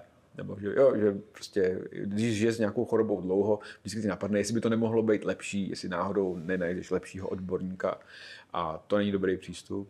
Eh, protože jako jasně, když tam nějaký problém, ale když je to jenom takový ten pocit, tak zkoušet různé odborníky není dobrý nápad. Vždycky pacientům říkám, že každý lékař je originál i v tom, jakým způsobem funguje vůči tomu lékaři. A tady bod A je prostě nemoc, tady je uzdravení. Dá se jít takhle, dá se jít takhle, dá se jít takhle, nedá se jít takhle. Když budeš zkoušet jednoho doktora vedle druhého, tak ta cesta vede jinudy. Jo. Máš pacienty, kteří zkouší jednoho za druhým, často jim to ani neřeknou navzájem, že jo, testují na různých místech, to až pojišťovna zjistí, že ten pacient obešel prostě 20 různých specialistů a často úplně na stejnou věc a nechal si od nich udělat vyšetření, tak tudy nevede cesta k uzdravení, protože ty vlastně jedeš kolmo na tu cestu. Mm-hmm. To mě právě přišlo zajímavé, že eh, nebo jestli to by to přijde, že eh, jsme trošku naivní v tom, že čekáme od, med- od medicíny nějaká jednoznačná vyjádření, řešení a tak dále. Tak na plnou věcí je dostaneš. Mm-hmm. Jo, ale pak jsou, jako, jasně, tak když máš angínu, dostaneš penicilín mm-hmm. a uzdravíš se. Hezký příběh. Jo, když Jsi máš koncem. covid, nedostaneš nic, taky se uzdravíš. Ne, jakože to jsou, jako te, v té medicíně běžný existuje plno jednoduchých situací, které se dají jednoduše vyřešit. Mm-hmm. Pak jsou složitější problémy. No, protože pak v situaci, kdy přijdeš za jedním doktorem, ti řekne něco, druhý ti řekne něco jiného, tak ty už znejistíš. Protože to je jiný protože... člověk, protože řekne něco jiného. On ti nebude říkat, my nemáme nacvičený, eh, co se má říkat v situaci A a B. Jako. Mm-hmm. Jo, ale jako, jako, rozumím tomu, ale je to cesta do pekla. Jo, to je to prostě jasně, to je stejně jako když jdeš k právníkovi. Mm-hmm. Jo, je to to oblíbené řečení, že, že, že tři právníci mají čtyři právní názory, tak ano, i lékaři, a protože já ti říkám, ta cesta od A do B může být třeba cestou, která je přímější, jako když jsme nejlepší specialista na světě tě rovnou zavede, pak tudy nebo tudy, ale různými cestama a je to jiný prostě. Mm-hmm. Ale někam to vede. Jo? A když se jednou rozhodne, že se svěříš do péče nějakého odborníka, tak buď něho máš důvěru, tak mu laskavě důvěřuj, jo? a nebuď nevěrný. Jo? A nebo si na začátku řekneš, že to nechceš, tak zkus jinou cestu, ale hodně špatný nápad je, že ty budeš trávit eh, cestu skákáním od jednoho odborníka k druhému, protože to prostě tudy cesta nevede. Jo? To prostě, a jasně, člověk si vždycky představuje, že budeš mít jednoduché řešení na svůj velký problém. Často nejsou. Říkáme se tam není taky motivace toho, že když obejdeš dostatečný počet doktorů, tak najdeš jednoho, který ti řekne to, co chceš slyšet. A... Tak a teď jestli se chceš jako léčit, anebo chceš poslouchat, co chceš slyšet. Hmm. Každý chce slyšet, že to bude dobrý. Jak ty se díváš na celostní medicínu? No, správně. Jako, jo, ale ono se ti u nás se trošku plete, jako pletou pojmy. Mm-hmm. Jo. Eh, celostní medicína občas dostáváš jako perverzní jako nádech, že to je nějaká buržuazní pavěda. Nebo víš co, jako, že taková celostní medicína, to, to provozují občas takový ty jakože eh, šarlatáni. Mm-hmm. Jo že oni nám to ukradli trochu, jako to slovo. Jo? My to děláme taky celostní medicínu. Jestli myslíš, že jako, jasně, když potřebuješ vyříznout znamenko, tak asi méně, ale když máš, ten pacient u nás leží celý, Mm-hmm. Jako ne u nás, teda, jo. ale jako v nemocnici, jako když je tak tam, tam leží celý. My se stáváme vždycky o celého pacienta. Jo. Tak to je zneužití toho, toho slova prostě pro něco úplně jiného. A, a to, to celostní jako samozřejmě je, celý pacient a zároveň tam leží ten pacient, který má nějakou že, duši, psychiku a tak dále a my o tom víme. Jo. Já nepotřebuji současnou medicínu poučoval nějaký chytrák jako o tom, že ten pacient je celý. A pak mě celostně obědou virgulí a ty hlavně zacáluješ. Jo. Ne, to, jsou, a to je hrozně důležitý princip. Ty tam necháš takový prachy, že to musí zabrat. A to zase jako je chytře vymyšlený. ne, ne, nevýhoda z, z našeho zdravotnictví je, že ty pacienti moc neplatí, než bych jim přál, aby platili. Ale tady jde o to, že ta určitá jako motivace, že tam necháš ty prachy, no tak to musí zabrat. Což už víme, o čem mluvíme. To je i neuroimunomodulace, která říká, jo, jo, jo, a ten mozek začne podporovat, aby se to uzdravilo. Hmm protože jsme tam nechali těžký prachy. jo? A skutečně to něco může dělat. Ale zase pokud si pořídíš zhoubný nádor slinivky břišní, tak tam může nechat libovolné množství peněz a, hmm. a celostní medicína eh, funguje stejně jako necelostní. Ale říkám, tady to vnímám jako, že, je, že nám sebrali nám dobré slovo. Jo? Ale že pacient je celý, to fakt jsme se informovali už dávno. Hmm. Možná je to to, co jsme si říkali předtím, prostě to, na co ten lékař nemá čas, to kafe, No jasně, ale jako většinou nemá čas, ale často jo, jako, když, jako jo, každý lékař je originál, nebo to, jak máte uspořádanou práci na klinice, na tom oddělení. Jo, někdy máte čas, někdy nemáte čas, někdy zase někteří pacienti, zase buďme objektivní, protože zase máte to i z druhé strany.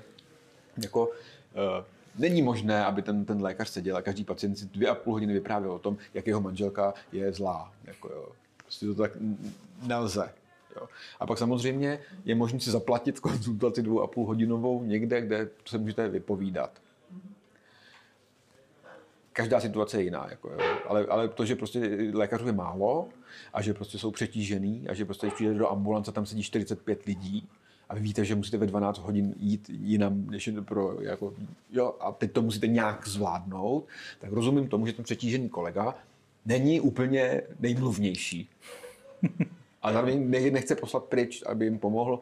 Jo, že to, to, to, je ta situace těžká na obou stranách. A já to mě sám, sám, když musím jít někam na preventivní prohlídku, tak a nechám mě tam čekat čtvrt hodiny, tam skáču jak čertík z krabičky, jo, protože samozřejmě já, já si zasloužím okamžité ošetření ale pak rozumím tomu kolegovi, který tam sedí, prostě on toho má taky jako dost. Jako jo.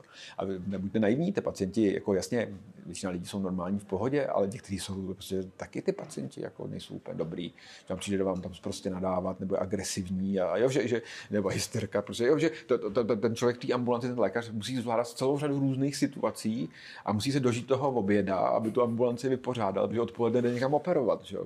Jo. A jasně, eh, to, když máte pohodu, tak se vám třeba podaří na pacienta hodinu, dvě, existuje to. Jo, ale prostě to je i o tom, jako to se bavíme na obecné úrovni, jestli skutečně chceme, aby to zdravotnictví bylo takzvaně zadarmo. Jo, jako považuji za velice chybný krok, prostě takový to zrušení těch poplatků, kdy jsme trošičku něco regulovali. Mm-hmm. Jo, a už jenom, to, už jenom to, že ty peníze byly vlastně komický, ale už jenom to jsem pacient si uvědomil, že to jídlo v nemocnici není, nepadá z, z nebe že tam prostě to jídlo se platí, jako stejně jako se platí eh, hotelové služby. A mně to přišlo, že to je jako symbolicky velice dobře nastavený, už jenom aby to nemoc nebolelo, ale aby ten pacient o tom věděl. Proč se tohle zrušilo, do dneška jsem nepochopil, protože to hrálo velice důležitou roli a myslím si, že pro moc, pro moc lidí to jako likvidační jako nebylo. A určitě tam, je, jako, že tam i byl mechanismus toho, že kdyby náhodou to pro někoho bylo problém, tak tam byl nějaký zpětný mechanismus, který ty peníze vrátil. A myslím, že to je škoda a lidi by si toho i víc vážili a prostě, když tam, když tam máte zadarmo, tak tam prostě přijde pacient a, a v ten moment on očekává, že prostě tam seš tam kvůli němu. Jako, jo. Mm. Ale často jako ta relevance toho, s čím přichází, je velmi nízká v některých situacích. Jako. Jako je to složitější, Jarno. Já to vím. Ale... Tam je možná strašná škoda, asi víc než to jídlo. Mě tam strašně vadí jsem stejného názoru, že to vlastně byla chyba to zrušit, protože ono to vychovávalo lidi k vlastní zodpovědnosti. Jo, prostě to zdraví si platíš. Stejně, buď si to platíš napřímo nebo nepřímo. A tady těch 30 korun, to je taková jenom připomínka, aby si věděl, že, že je to tvoje. Ano, ano, a ne, to, to, to, je opravdu ten, jako ta symbolická věc v tom byla. To, jasně to nevytrhne to naše zdravotnictví, ty 30 korunové poplatky, ale mně se to hrozně líbil ten symbol, že jsem jako hrozně fandil, že plno lidí je zvyklá, že my jsme u nás nikdy nic jiného nezažili, než je zdravotnictví zadarmo. No a tom Paroubek tenkrát, jako myslím, že mu to hodně vyhraje, pomohlo v těch volbách, když to, to rušil. To, to, byl, to, byl, to byl předvolební, no, to byl předvolební já téma pamatuju, ale, ale, ale jako říkám, jako by to, jako, že to není prostě zadarmo. A jako vidím, jako, jakým, já jsem byl nějakou dobu že v té Americe, a ty, ty nemocnici, tam víte jako hodně velký strukturální rozdíl mezi pacientem českým a americkým. Mm-hmm. Strukturální. jo, jo, jako ve struktuře těch pacientů. Jako, že, když budeš v primární péči, když to vezmete, jako, že, jasně, když někdo krvácí někam do mozku, tak to, to, to je jasný, to je furt stejný.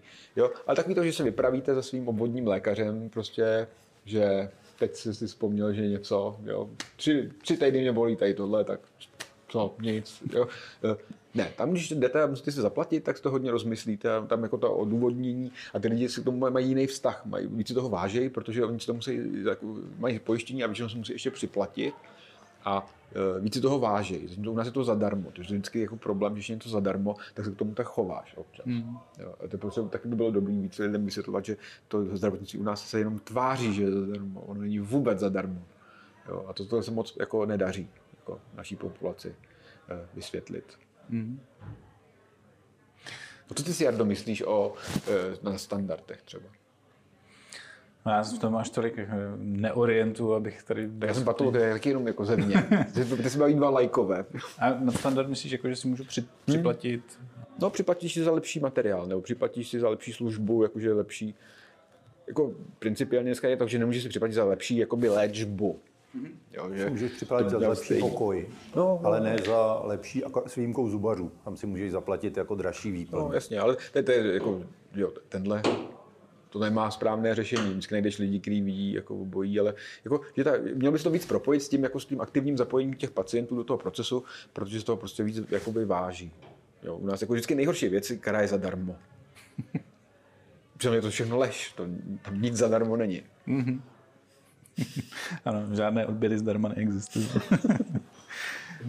um, když jsi eh, dneska četl komentáře pod tou svojí přednáškou, tak si určitě všiml, že se tam vyskytovaly dvě překvapené reakce. Ta první byla, že oni patologové fakt nesedí na rakvích a nepijou rum. A ta druhá byla, to by mě... To... ví, a třeba jsem lhal? Ano, třeba jo. Je pravda, že jsme si to neuvěřovali. a ta druhá... Já jsem nabízel, že se můžeš stavit. Nebo jo. no. To jsem nějak zapomněl. No, to, tak jak to ještě využiju. Eh, ta druhá reakce byla, nečekala bych, že někdo, kdo eh, je patolog a kdo má kom, jako zkušenost s takovýhlema těžkýma věcma, jako jsou nemoci, takže bude takhle vtipný. Přijde ti, že humor třeba a medicína... Vtipný, třeba jsem jenom směšný. Mm, já si to nemyslím. ne, a tak já jsem jako založením, jako občas to člověk musí, ale já mám rád, když je legrace, to, to zase jako jo, a, a, jako život náš je jako by občas veselý. A to s patologií nemá vůbec nic společného. Mm. Ale jako mám rád, když je legrace, protože si myslím, že život je příliš uh, krátký na to, než aby jsme ho prosmutnili. Mm. A miluješ černý humor, to miluješ povinně a profesně? Jasně, ale to nemá nic společného s mou profesí. Ten, mám, ten jsem měl rád v době, kdy jsem netušil, že nějaká patologie existuje. Aha. ale tak jako nemusí být jenom černý humor. Ale humor jo, jo tak jako Maria. Mm. Ať je legrace. Mně se líbí jako ten život, jako prožít takový, takový jako divoký mejdan, jako bez alkoholu, ale mejdan, jakože je prostě legrace a sviští to. Mm-hmm. Mně připadá, že ten moment to má jako smysl celý. Přijde ti, že je nějaká oblast, kam humor nepatří? No samozřejmě je plno oblastí, kam humor nepatří. No. Třeba. Ale tak jako... Uh, i když on na tohle je ten humor. A třeba já dost špatně snáším, když vidím, těkom, co se děje, ta Ukrajina. Hmm. Na tohle. Tam se mi strašně špatně vtipkuje. Jako. Já jsem si nikdy nemyslel, že se dožijou něčeho takhle blízkého.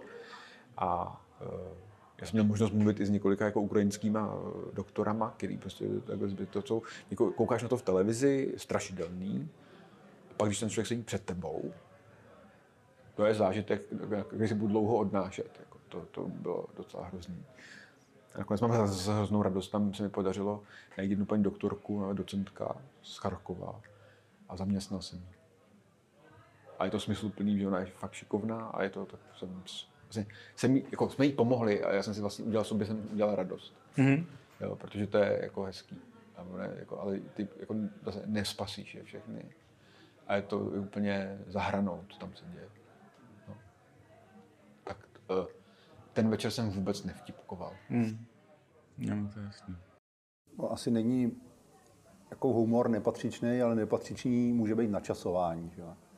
Já myslím, že na Ukrajinu vznikne spousta vtipů časem, ale není to teď. No, jasně. No. Tak jako samozřejmě, že, že ty jako vtipy, které jsou, jako zase, samozřejmě, jak jsem viděl nějaký pokusy uh, trošku ubohý. Jako říkám, a to jsem ten, kdo, jako, když je až do, posl, do, poslední kapky krve budu vtipkovat, tak tady už ta kapka není. Jako, tohle už je jako moc. No. Jako anatomie lidského neštěstí, jako čeho jsme jako lidi schopní. Uh, jsem furt překvapený. Jako mě to hrozně bavilo, že, že ta doba, ta doba covidová, jak jsem mluvil, jak jako ty, ty roztáhne tu představivost. Jako, co je ještě možný? A já jsem si myslel, že už mi to jako docela vycvičilo. A jak to najednou vystřídal tady ten konflikt, tak jsem si uvědomil, že zase moje představivost není dostatečně veliká, protože já jsem si tohle nedokázal představit. A to já si jako o sobě jako myslím, nebo na myšleně zjevně, že jako mám velice dobrou představivost, co je možný, nemám, nemám zase mě dostali. Ale no. tak když si člověk pozoruje tu situaci, tak prostě dobře už bylo.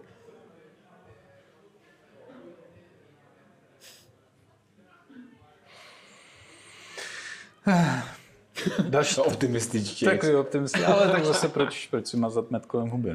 No? Hmm. Další tvoje tvář je učitel, učitel roku, několikrát zvolený studenty svými. A říkáš studentům to, co na lékařské fakultě asi možná tak často neslyšejí. Jako studujte pomalu, studujte průběžně po kouskách a užívejte si to studium. Dá se užívat říkám, studium říkám, medicíny? Říkám, jako nevím, jestli oni do toho fungují. to, to samozřejmě tak. Já si myslím, že se dá užít právě. Hmm. Ale jako musíš dělat jako, jako triky, jako, že jasně, trošku se udržovat. Já jsem dal třeba letos ve výuce pár opatření, abych je udržoval lehce v tenzi, už od začátku, aby byl trošku donucený udělat podle toho, co jsem vždycky doporučoval. Mm-hmm. Tak eh, teď tam je pár triků, které udrží ve varu, jako celý ten rok, protože pak to člověk fakt užije. Nejhorší mm-hmm. je mhm. studovat prostě třeba jako patologie, jako velikánský obor.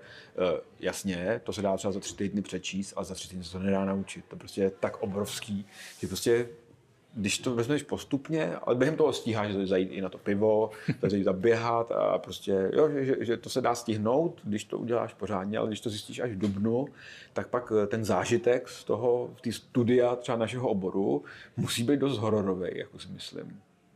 Jo. A proto jsem jim nabídl možnost, že jako Pepa zná řešení a řekne vám ho včas, a jako myslím, že ty studenti, kteří jsou jako dostatečně compliantní, tak jakože naskočej, ale jako nejsem, už, už jim příliš dlouho na to, abych byl naivní a myslel si, že to tak udělají všichni. Mm-hmm.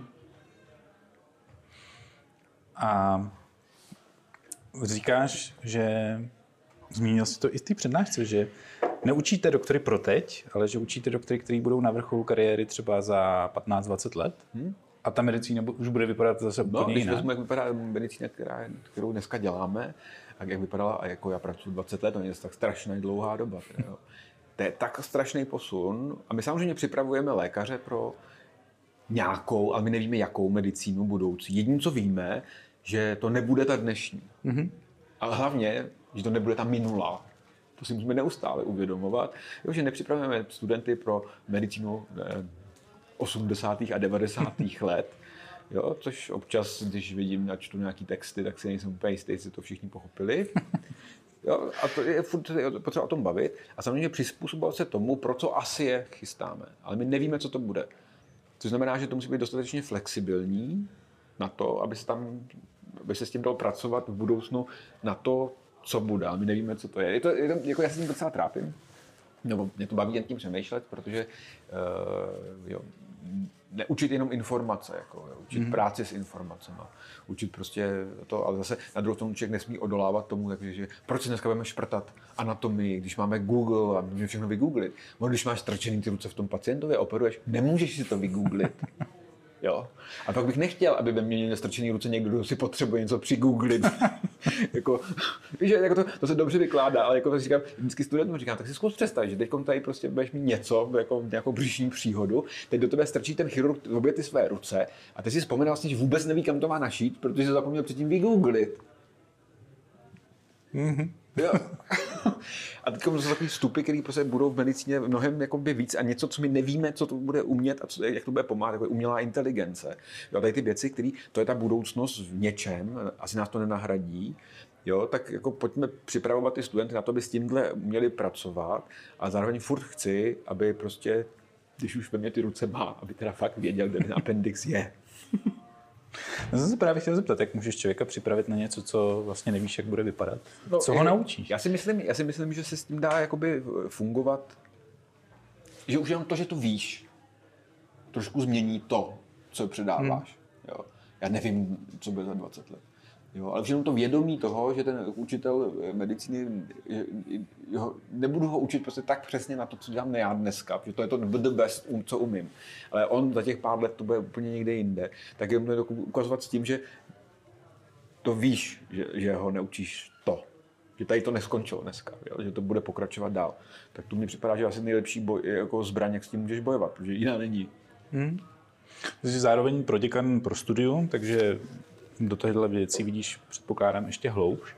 Sdílíš takový ten populární názor, že české školství upadá, že se pořád snižují standardy toho, co po studentech chceme a tak já nemůžu mluvit za zbytek školství, ale jako to na naší fakultě si myslím, že neupadá. Jako, jo. Že, jako samozřejmě ty tlaky jsou obrovský, třeba na, na zvýšení počtu lékařů a počtu studentů na těch fakultách, což tam trošku je tam protitlak na snižování jakoby trošku kvality, hmm. protože já když jsem už jako student učil kroužek, měli jsme tam 15 studentů, tak za ten rok si myslím, že jsem mi docela potvaroval nějak. A pro těch 15 studentů si udržíš, jako tam se nepohne bez toho, že bych si ho nevšiml. Jako, ale, ale když máš už v tom kroužku 20, 25, tak už toho se, se z toho stává dav, který si nejsi schopný úplně jako uhlídat. A třeba práce, jako, že ta práce jako tělo na tělo, ten učitel se, se, se studentem, je, je moc důležitá, protože ty neučíš ty studenty jenom informace. Jo. To je furt dokola.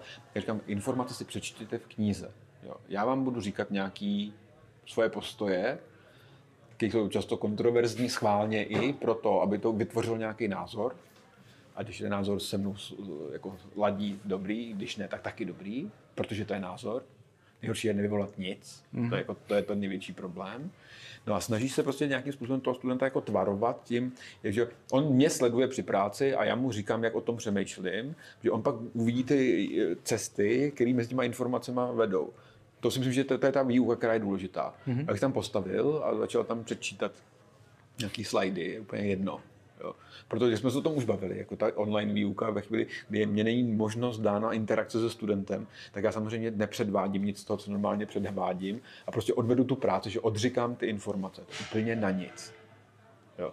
Jako nejlepší jsou takový, že ty informace si čtou někde jinde a řešit jenom prostě třeba máme přednášky, kde máme jako kazuistický tam, že tam učím já a už tam třeba, když se bavíme o nádorech, já nevím, co jsme měli teď, nevím, urologický problematika, tam je, jsem má urolog, a pak je tam že student, který to moderuje a jedou se ty pacienti, studenti hlasují, máme to takový jako že tohle a tam se učí prostě propojování těch informací a procvičují to, mají to rádi studenti i my. To by se mi líbilo nejvíc, bohužel je potřeba i klasicky odpořednést, ale ta mm. přednáška nemusí být vždycky prostě jenom jako moje oblíbené PowerPoint karaoke. Jako, to, jako to mám, to, jako, a ty plnou určitě to dělá, no, ale jako třeba z pozice studijního proděkana bych si tyhle témata jako otvírat, aby jsme se o tom bavili ale teď jsme ve fázi, kdy musíme pořešit několik jako technických věcí toho studia, až pořešíme technikálie, tak se budeme bavit o koncepci, která mi mm-hmm. připadá strašně důležitá. To mě to, jako na rozdíl od těch technikálí, mě nebaví, mm-hmm. tak se těším na tu koncepci a to mě baví.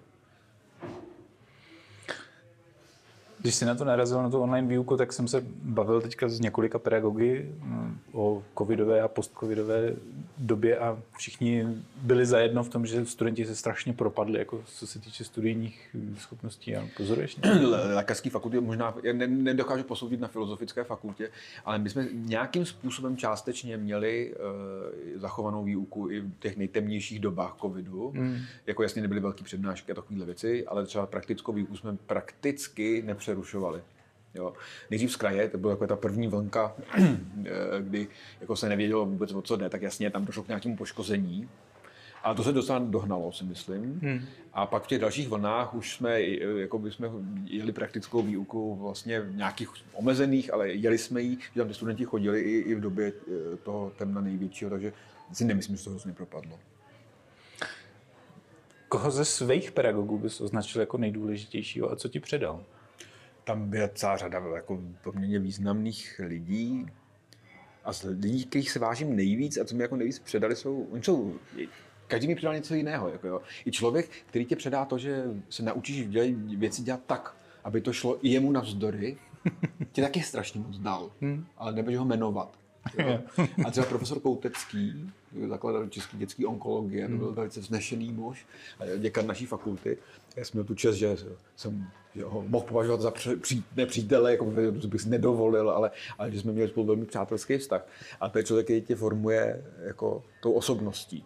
Jo? Člověk, který dokázal takhle strašně moc, přitom vnitřně hrozně skromný, ale vevnitř strašně široký, jako takový ten jako široký člověk, který v sobě má jako obrovského člověka, tak to moc krát nezažiješ v životě. Hmm. Jo? A to jsem mohl být panu, panu profesorovi na blízku a že prostě jsme mohli spolupracovat i jako třeba v pomoci dětským pacientům s nádorama, tak to mě poznamenalo hodně. Protože to nebyl jenom dobrý doktor. Jo? Jinak mě ovlivnilo samozřejmě hrozně moc dobrých doktorů, který mě učili, když jsem to potřeboval a dneska to a taky ještě potřebuju. Mm. Ale, ale takový ty lidi, kteří ovlivňují i nějakým jako jiným rozměrem. A ten rozměr může být právě v tom, že eh, dokážou mít dobrý postoj k strašně složitým situacím a to tě hrozně moc naučí.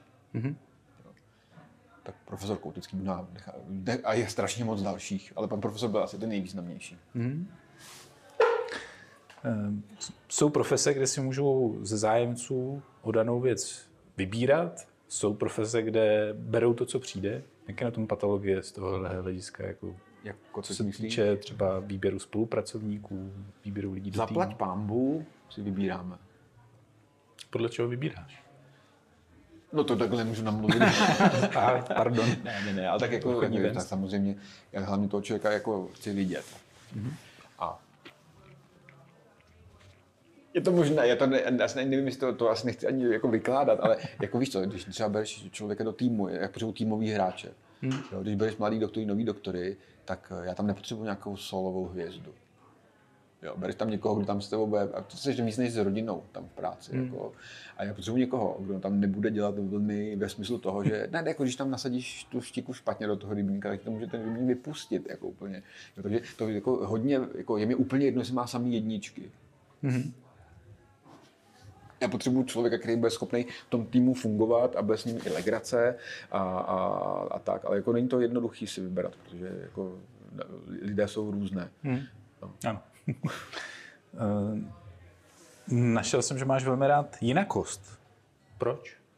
Co pro tebe znamená? Co dávají jinakosti? jako jsem patolog s čivavou, no to si budu povídat. Jako. jo, ale tak jako, ne, já, já nemám moc rád takový to še, še, še, šeť toho průměru, jako, jo, že eh, to vždycky... Mně přijde, že je to ta pestrost a jinakost, že to, že to je cesta k tomu, jak jako prosperovat obecně takovou společnost. Jako, mm-hmm. že ve chvíli, kdy vítězí eh, šeť eh, centrální, jako ta, ten střed, takový to, tak se to nikdy nikam nepohne. Jo? A jenom ty věci, které se dělají jinak, jsou ty dopřední a takhle já to vnímám, protože se jako ne, nebojím jinakostí jako vůbec. Jo? A myslím, že problém této společnosti a třeba i z období z toho komunismu, to byl přece ten obrácený, jako to, že budeme všichni šedí. Mm-hmm. Jo, a taky podle toho tady vypadalo. A do dneška jsme se z toho nespamatovali. Mm-hmm. No, to asi takhle, to je to abstraktní otázka. um, Myslím, že zeptal, co? máš rovnost Záleží taky, co si na tím, pod tím vlastně filozofická fakulta, to tady tyhle otázky jako umíte odpovídat. Záleží, co si představíš pod rovností. Jestli je rovný pravítko, nebo, nebo že, že jako, no právě, že rovné rovný příležitosti. Rovné příležitosti.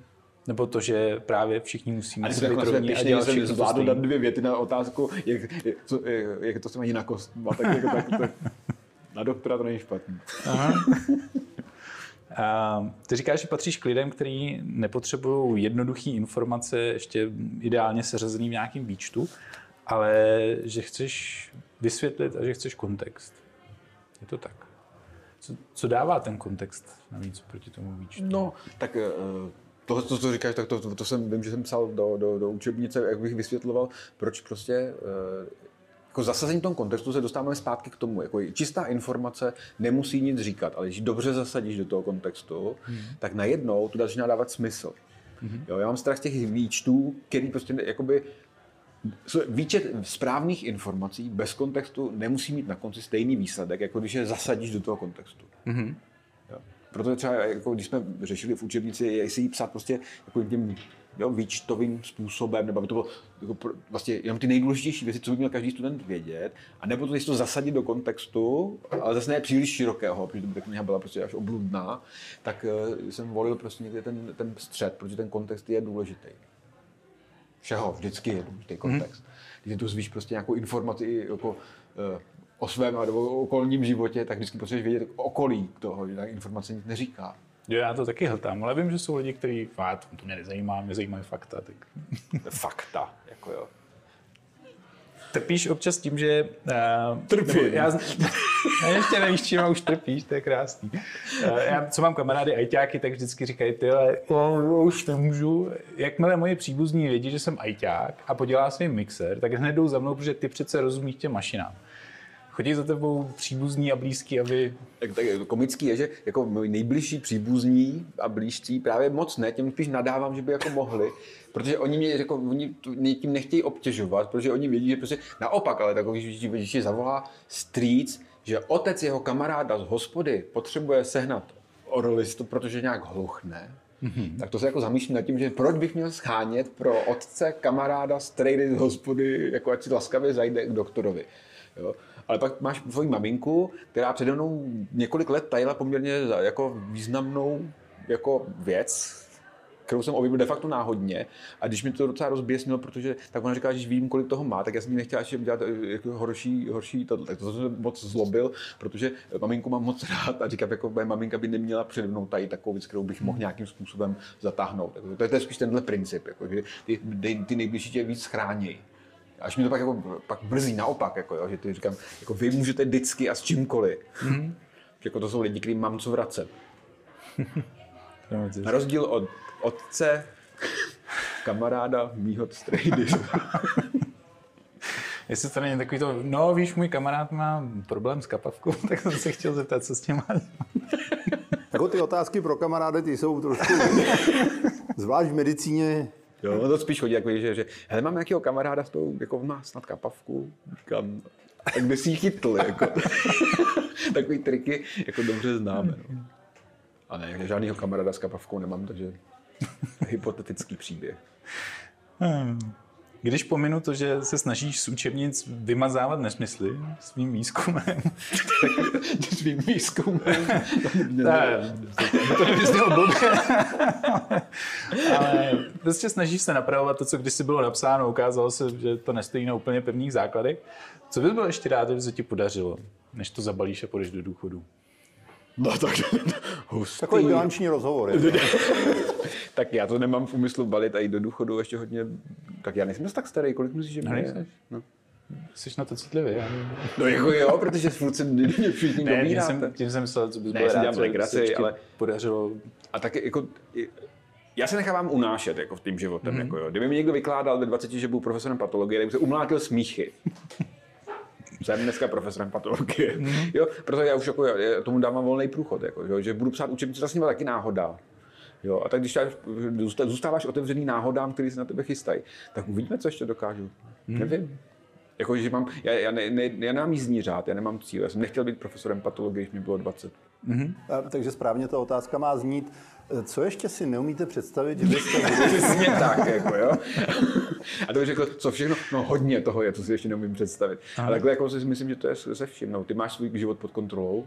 Vůbec. No, tak, protože já bych měl mít. Jsem rád, když trošičku jako směřuju to kormidlo podle toho, co se děje. A no jasně. Tak nechávám se, ne, nenechávám se úplně unášet proudem, ale snažím se tam tak nějak. A ono někdy mi ten život ukáže, že aha, jsi myslel. No jasně, jako. Jo. Je to krásný. Jsem se rozhodl, že už se nikdy nezamiluju. Mm. to, to se tak jako, a pán Bůh mění. Jo, jo. No. Tak bych měl vždycky pěti Tak korun. ono každý nikdy a každý já už je objednávka. To je vždycky. To je, to je, prostě, to je, to je, to je skutečný, tam je objednávám místo toho. Jo, jo, jo, jo. Ale, ale říkám, jako, jo, fakt se nech, jako, to mě, jako já teda už jsem úplně otevřený čemukoliv, protože uvidíš, jako, že, že prostě ta nějaká zase se objeví výzva, když ti přijde objednávka, že má být studijní proděkan. Jako jo, tak nevím. Jako já jsem ne, jako, nikdy jsem si nepřál být studijním proděkanem v dětství. To já si doufám, A teď velice jako zase to bereš jako výzvu, ačkoliv je to už to, jako, taho, je to hrozně moc práce a tě- ta doba je teď složitá, ještě to, tak zase to má- vnímáš, že máš možnost, možnost něčím někam pohnout, jako který ti připadá, že je smysluplný, tak jako proč ne, když ještě zvládáš. Ještě, ještě, pár zbylých minut ve dní je volných, tak proč neobsadit nějakou další zábavnou činností? Ještě, když se vrátím k předmluvě k učebnici patologie, mluvíš tam o možnosti systematicky studovat a pochopit duši lidských chorob. Myslíš, že mají lidské choroby duši? Tak to je samozřejmě nadnesený, ale když jsem to, já jsem to stvořil, tuhle větu, a já jsem byl tak jako spokojený se sebou, tak jsem to tam nechal. Jinak je to úplná blbost. Aha. Dobře. Teď už vidím ty studenty chudáky. Co to? A uznej, že to zní dobře. Jo, je to nádherný, Jo, proto jo. jsem se na to zeptal. A Na konci své přednášky si tam měl slide s citátem od AC Clarka a co je úplně přeběh, tak schválně se tě teďka na něj zeptám. Pokud najdeš v životě cestu bez překážek, určitě nikam nevede. Proč jsi to tam měl a proč jsi ho jenom tak prošli?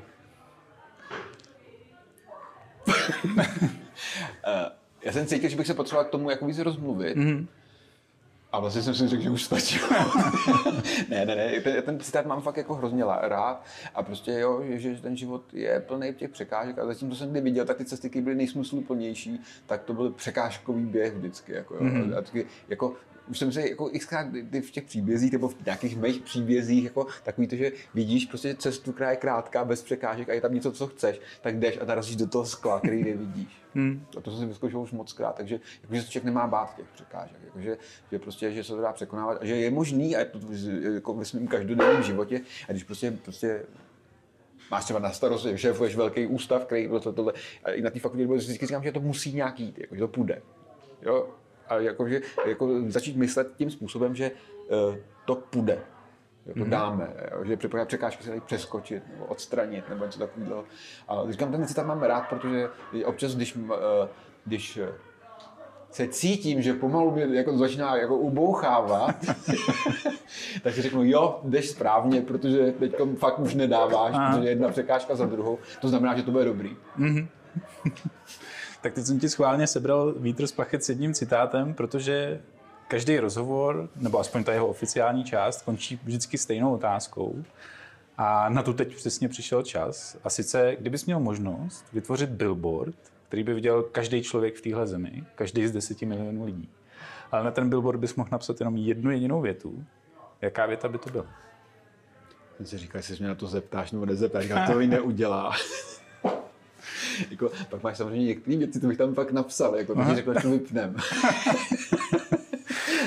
A jo, tak, tak no, dobrý. tak asi bych tam napsal, kež jsou všechny bytosti šťastný. A, to už tady někdo říká, teď nevím přesně kdo, ale je A to mě to připadá strašně dobrý. Jako. Jo, ono, Jo. to je velká pravda. tak uh, Josefe, já ti moc děkuji za tu dosavadní cestu, uh, za rozhovor, za tu oficiální část. Pojďme na tu neoficiální. Tak, a to je z oficiální části dnešního rozhovoru všechno, milí posluchači. Příště si budeme s forenzní genetičkou Halinou Šimkovou povídat o kriminalistice a o tom, co všechno se už dá vyčíst z naší DNA. Ale ještě než se dnes zvednete od stolu, mám na srdci tři věci, které byste určitě měli vědět, pokud se vám dnešní rozhovor líbil. Za prvé, jak jsem zmínil na začátku, k rozhovoru s Josefem Zámečníkem máme ještě parádní bonusovou část, ve které se dozvíte například, na co by chtěl umřít člověk, který se vyzná ve všech lidských nemocech, nebo jak pokračuje jeho úsilí o vymazávání nesmyslů z učebnic. Pokud chcete získat přístup nejen k tomuto přídavku, ale i bonusům k mnoha dalším dílům našich podcastů, zaměřte na stránku neurazitelný.cz lomeno chci pomlčka pomoci a podpořte naše úsilí o další parádní rozhovory tím, že se stanete naším patronem. Jen díky příspěvkům od vás fanoušků a posluchačů můžeme totiž v našem úsilí pokračovat. Díky předem za nás všechny. Za druhé si myslím, že poslouchat je super, ale nebylo by lepší položit třeba právě Josefovi svoje vlastní otázky? Sadím se, že by se určitě našlo něco, na co byste se ho ohromně rádi zeptali. Pokud vám to zní jako příjemná představa, zaskočte teď hned na náš web neurazitelný.cz a přihlaste se k odběru novinek. Díky nim se o všech našich akcích dozvíte s předstihem a všechno to, co znáte z našich podcastů, budeme moci vytvářet společně. Moc se na to těším. No a za třetí, když už jsem zmínil dvakrát naše podcasty v množném čísle, rád bych vás pozval i k poslechu našeho druhého počinu, totiž přednáškových večerů na FFUK. V nich nás špičky české vědy a společenského dění, které často znáte právě od stolu pro tři, zvou na objevné výpravy za tajemstvími a nástrahami svých profesí. To všechno s vydatnou porcí osobních historek a často i humoru. Takže pokud máte po dnešním rozhovoru chuť na další porci poznání a chcete začít odkrývat báječná dobrodružství ukrytá často na dosah ruky, místo v naší audioposluchárně je pro vás připravené. Milí přátelé, jsme moc rádi, že nás posloucháte. Nezapomeňte, že svět je sice rozbitej, ale možná to půjde opravit a moc se těším, až spolu usedneme k dalšímu stolu pro tři. Mějte se nádherně.